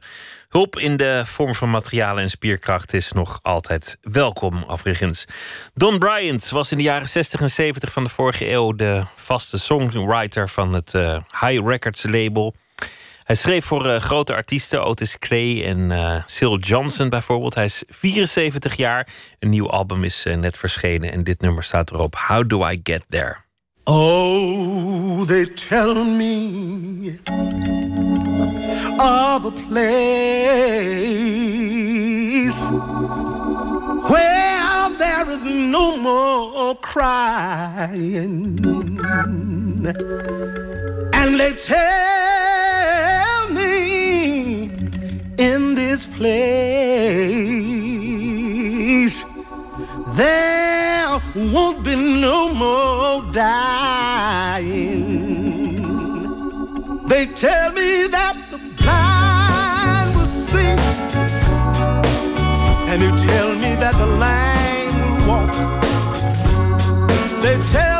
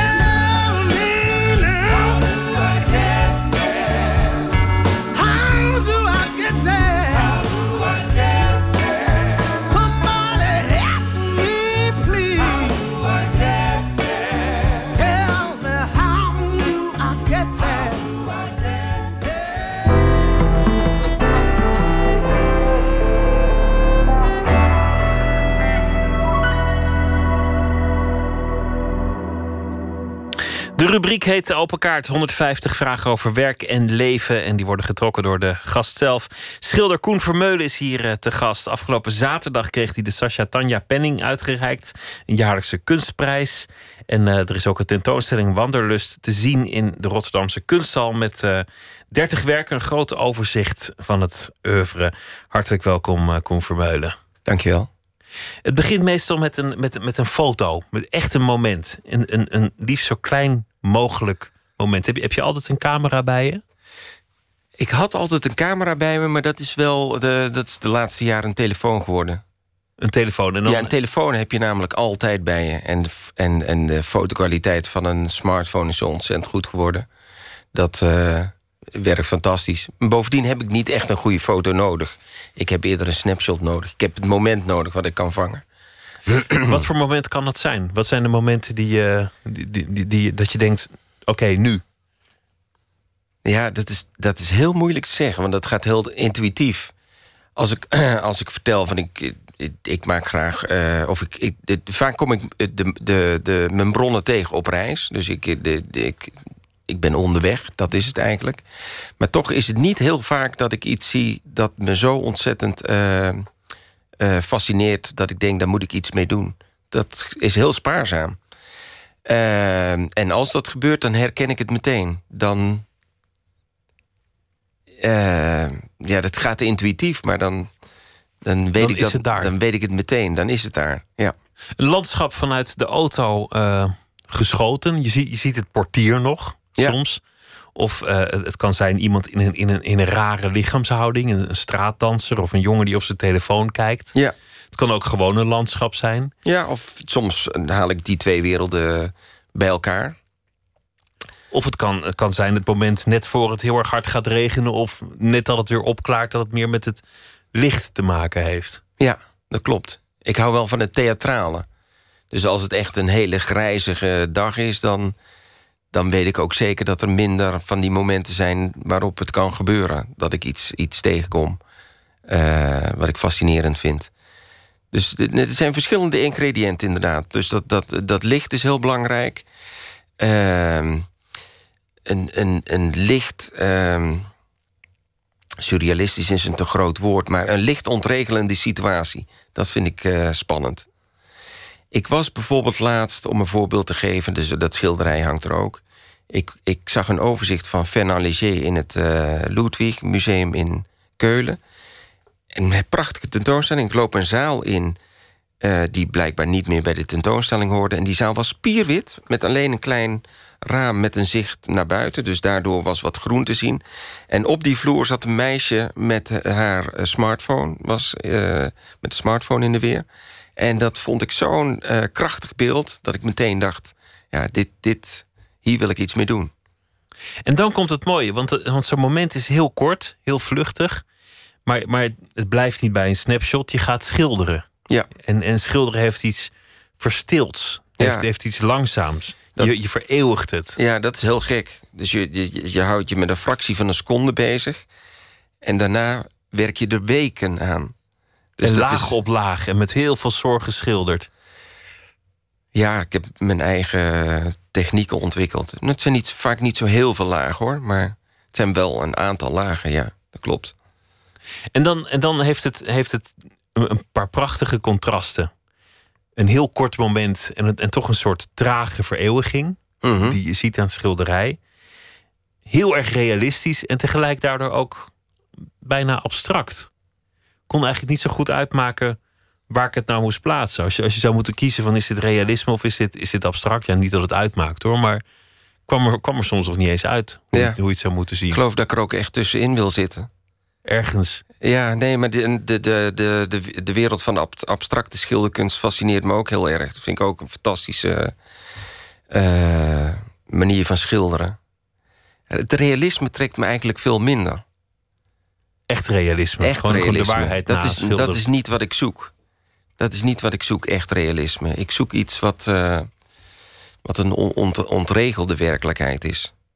En dat figuratieve schilderen, dat, dat kan ook best... Dat is niet haarfijn, eh, eh, zoals ik schilder. Ik, ik ga soms best echt met een stevige kwast of met mallen... in de weer, zodat het van dichtbij heel grof oogt. Van een afstand denk je eerder, heeft het eerder met fotografie te maken. Van dichtbij is het echt verf. Er is ook wel eens gezegd dat Mondriaan een realist was. Omdat het uiteindelijk gaat over verf op doek. En dat maakte hij duidelijk, dus het is juist realisme. Ja, dat hebben wel meer abstracte kunstenaars gezegd. Yves Klein zei het ook over zijn schilderkunst. Die maakte een, een, een, een eh, monochroom blauw schilderij. En, en had het daarbij over de ruimte. Wat heel goed voorstelbaar is. Dus in die zin is dat echt... eh, als, je, als je op je rug gaat liggen, je kijkt s'avonds naar eh, de hemel... die is ook diep donkerblauw. Ehm, dus dat is heel goed voorstelbaar. Bij Bij, jou is het ook altijd, het blijft een schilderij. Het is zichtbaar dat er, dat er is geschilderd. Dat er, zeker, zeker wat je zei, als je, als je dichtbij komt, dan, dan, dan, dan zie je de, de verf. Je, je ziet de, de penseelstreken. Ja. Maar wat jij zei over eh, een, een landschap vanuit, eh, vanuit de auto gezien. Als ik dan zo'n zo'n eh, snapshot neem vanuit de auto. dan zit daar toch al een verbintenis in, vind ik, met schilderijen. De, die, die vluchtigheid van dat beeld, dat beeld wordt ook een beetje uit elkaar getrokken. Dat, dat is al een eerste stap naar verf toe voor mij. Omdat het dan een soort streep wordt. door, de- door de precies. snelheid, door de vaart. De grofheid komt in dat beeld. Kleuren versmelten. Of, of, of, of de vaart komt erin. Het is ook een overwinning op de tijd. Je race in je auto. Het duurt een seconde, dat ene beeld. En, en het hangt dan jaren aan de muur. Ja. Vastgelegd in verf. Die, die ook weer de strijd met de elementen aangaat. En, en langzaam zal vervagen. Ja. Het zijn ook vaak beelden die iedereen wel kent, maar waar eh, weinig mensen bij stilstaan. Die ik schilder. Dus het, het, het, het zijn beelden uit het eh, voorbijgaan. Dus je verlegt de aandacht eigenlijk. Ja, ja. Je legt de aandacht vast. Ja. Zullen we beginnen met, met de, de, de, de vragen? Hier is hier is de kaartenbak. Trek er maar één als je wil. Oké, eentje uit het midden. Waarin ben je schaamteloos? Oeh, dat is een moeilijke vraag. Meteen. Ehm,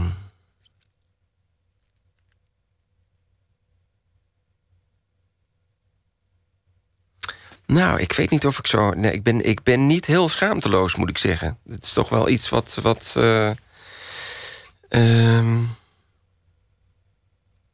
dat heeft ook met opvoeding te maken. Schaamteloos durven zijn.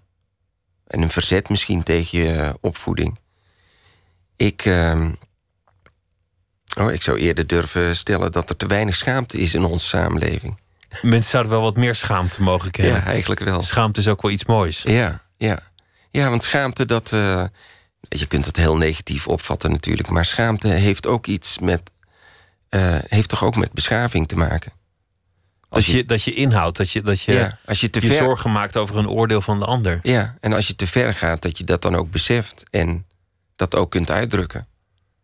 Schaamteloos is vaak ook geen positief woord. Vind ik niet. Nee. Zullen we nog een, eh, Ja. vraag doen?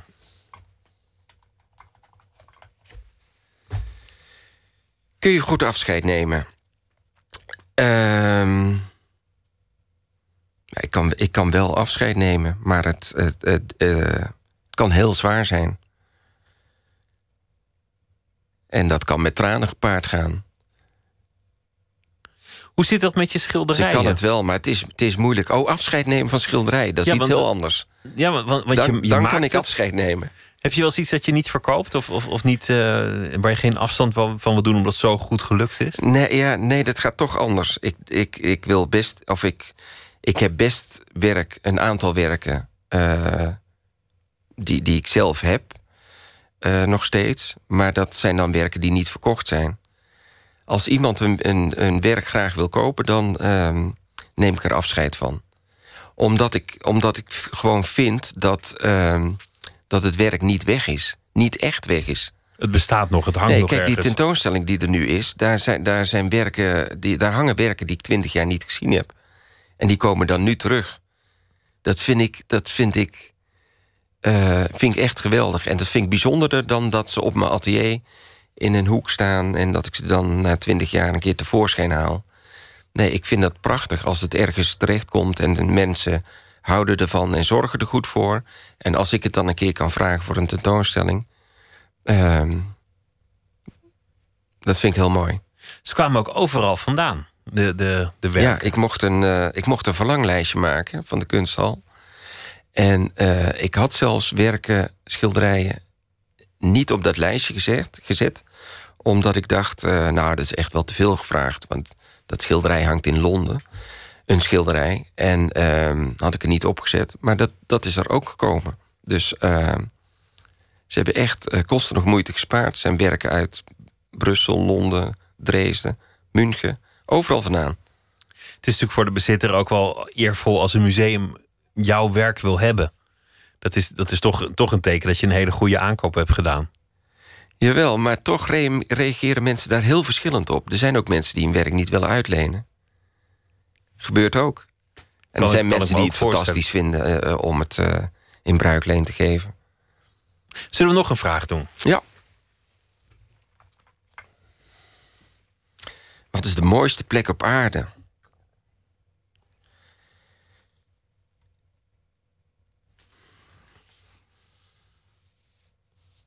Ook een hele moeilijke vraag.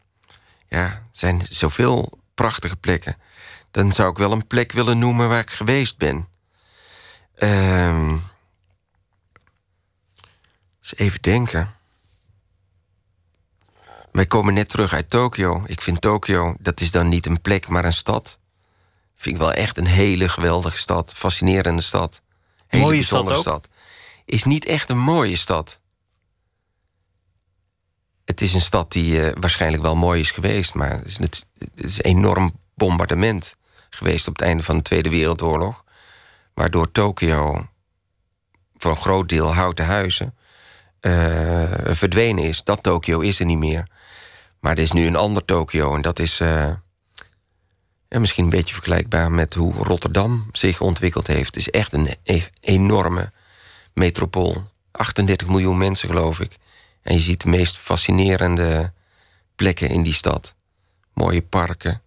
Het mooie is dat je uh, hele verschillende dingen naast, naast elkaar hebt. Ik, ik, ik ben een week in de Kodokan geweest. Dat is een judo-instituut. Het ligt in Bunkyo in, in Tokio Noord. Daarnaast ligt een... Het is midden in de stad, hè. Daarnaast ligt een pretpark. Met bijvoorbeeld een achtbaan die dwars door een kantoorgebouw gaat. Daarnaast, dat, dat is allemaal op, op 100 meter van elkaar. Daarnaast ligt de Tokyo Dome, wat een overdekt baseballstadion is. En daartussen ligt het Korakuen Park, wat een van de oudste parkjes van Tokio is. En waar je ook echt uh, ehm, 100 jaar terug waant. Dus dat, dat bestaat allemaal naast elkaar. Dat is echt vast fantastisch. Nou, de mooiste plek op aarde. Toch ja, wel, vooruit, vooruit. denk ik. Te zien in uh, de kunsthal een uh, overzichtstentoonstelling Wanderlust met uh, vele plekken en momenten vereeuwigd in, in schilderijen. Koen Vermeulen, dank je wel. Graag gedaan. Het duo uit Zweden, My Baba, heeft een nieuw album. Zweedse folkliedjes. En een van die liedjes is Jak Vantar.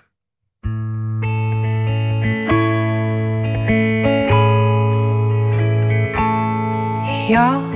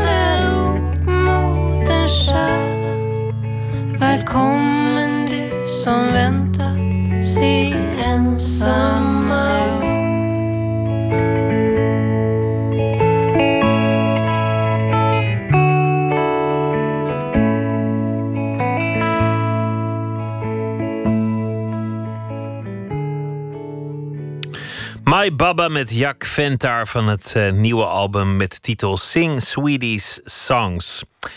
Eén minuut eh, gemaakt eh, in 60 seconden een heel verhaal. En deze heet Hey. Pst. Eén minuut. Ik paste vroeger op. Op de middelbare school bij een gezin. En daar heb ik twee jaar opgepast of zo. En drie jaar later zag ik ze op straat lopen. En ik stak over en ik zei: Hey, hand omhoog. En toen keken ze me aan alsof ik een gek was. Alsof ik een of andere zwerver was die hen aanklampte van... eh Hé, hey, hoe gaat het? En, en eigenlijk zakte de moed al in mijn schoenen en ben ik maar gewoon doorgelopen. ja, echt. En met een vriendin had ik het een keer dat ik, ik zat op het terras. Ik had afgesproken met een vriendin. En zij kwam het terras oplopen. En ze kijkt gewoon over me heen. En niet één keer, maar twee keer. Volgens mij zelfs wel drie keer. En dat is zo gênant. Je voelt je zo... eh, ja... Zo niksig. Mensen die, die wel herkend worden door andere mensen... dat zijn dan, naar mijn idee, mensen die toch meer persoonlijkheid hebben. Ja. Er zijn zoveel mensen zoals ik. Eén minuut gemaakt door Jair Stijn was dat.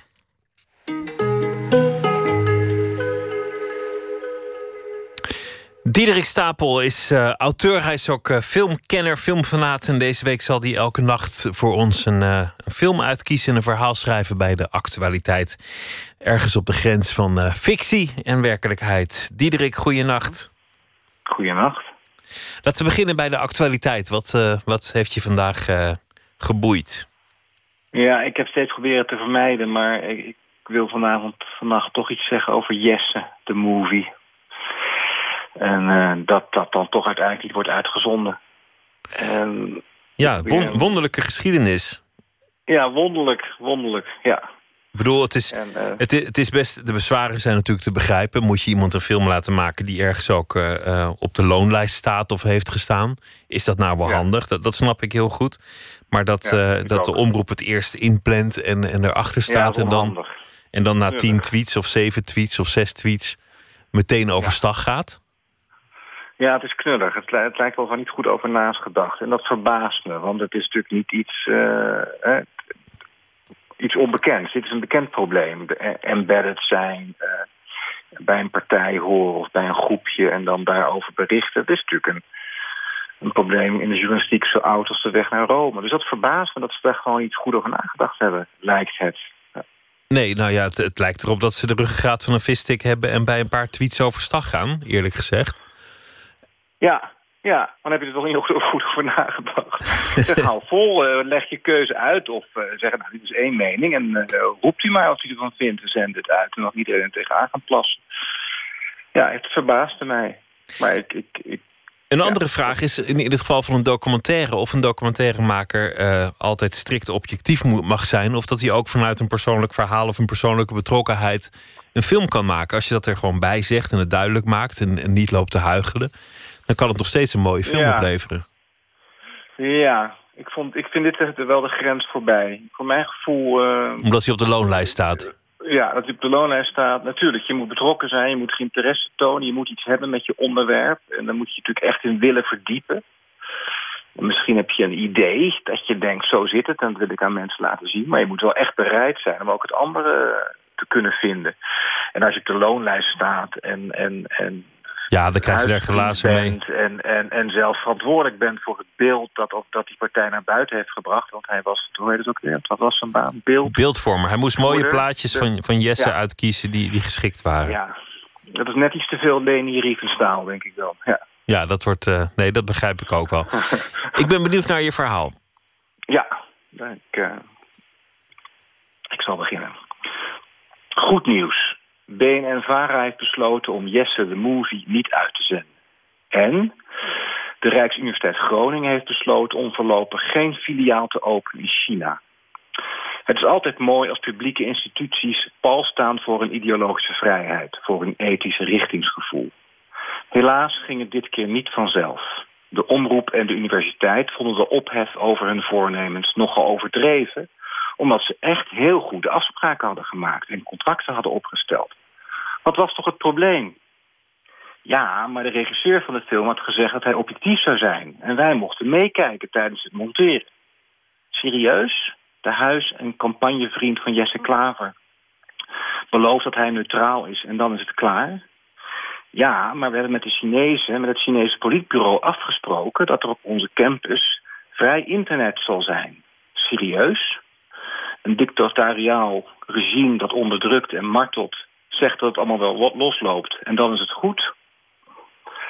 Bureaucratie als moreel kompas. Ik geloof niet dat de regels en beloften ertoe doen...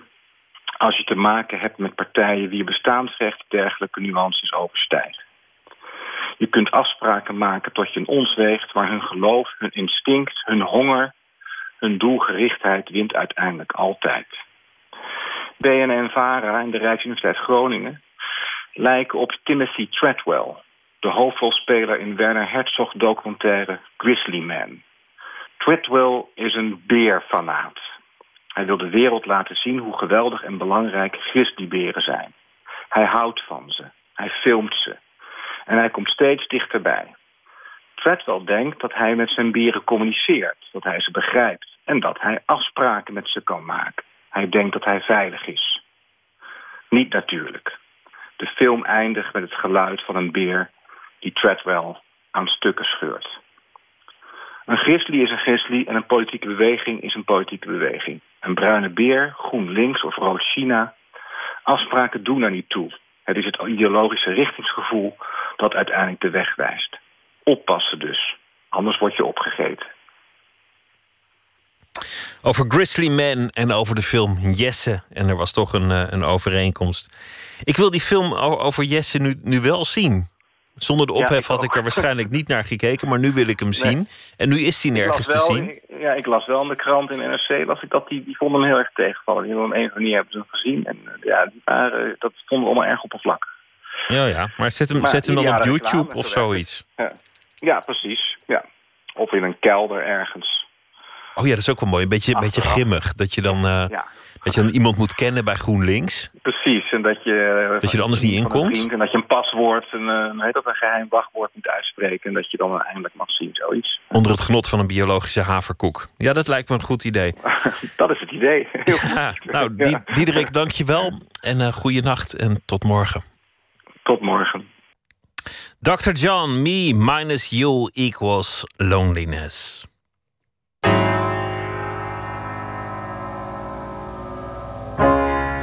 Ever since you moved, took all the happiness. Ever since you left, my life in a mess.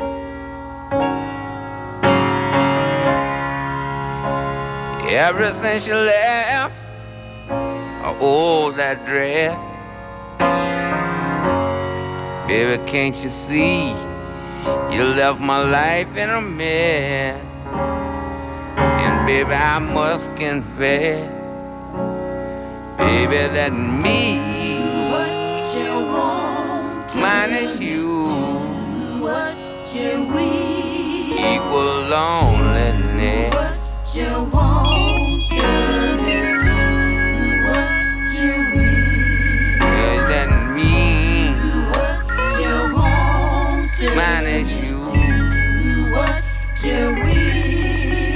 Equal loneliness.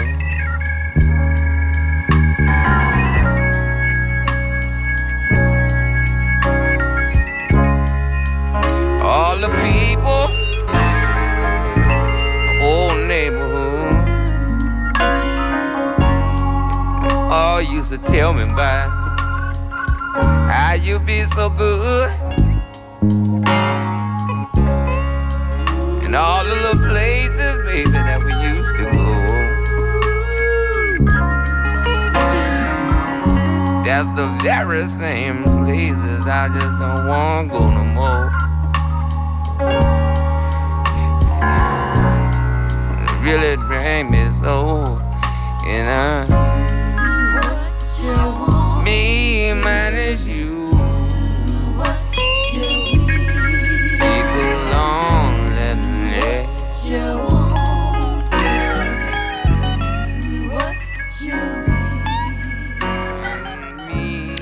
Me minus you equals loneliness van Dr. John.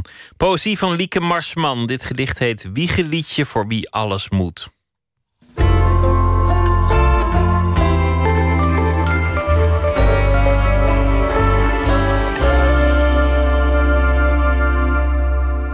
Wiegeliedje voor wie alles moet.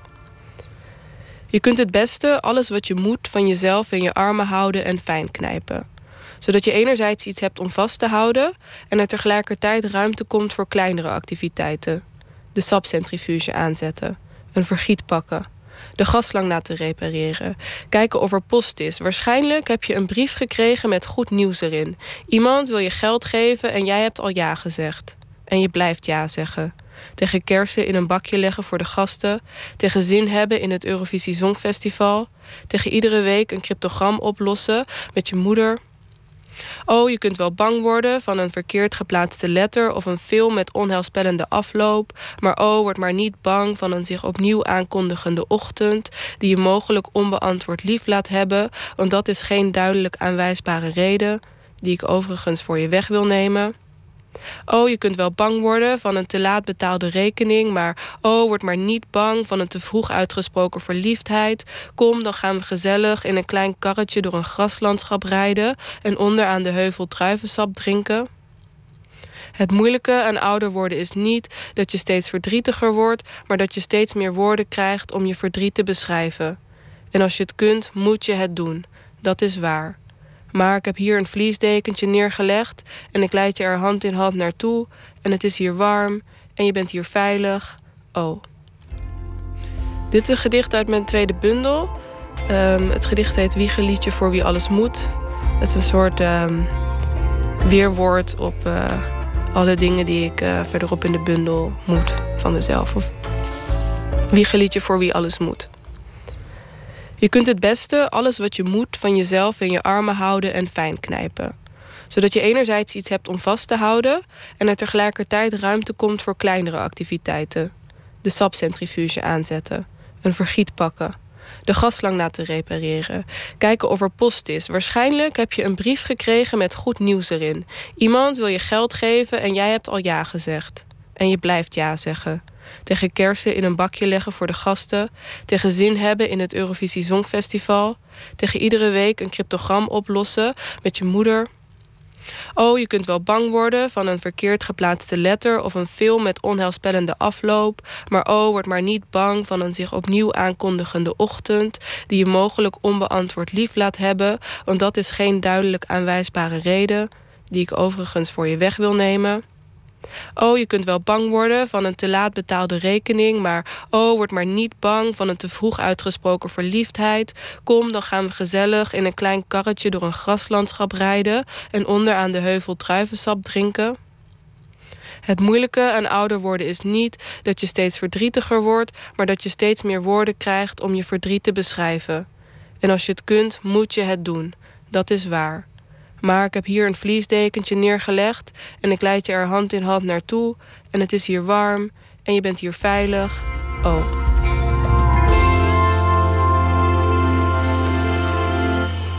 Wiegeliedje voor wie alles moet van Lieke Marsman was dat.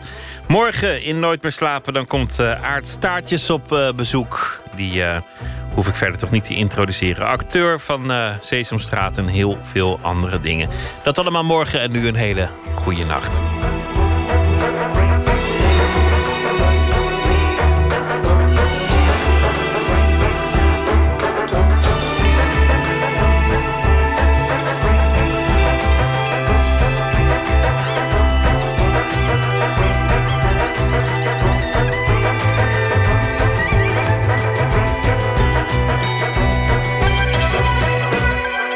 Radio 1, het nieuws van alle kanten.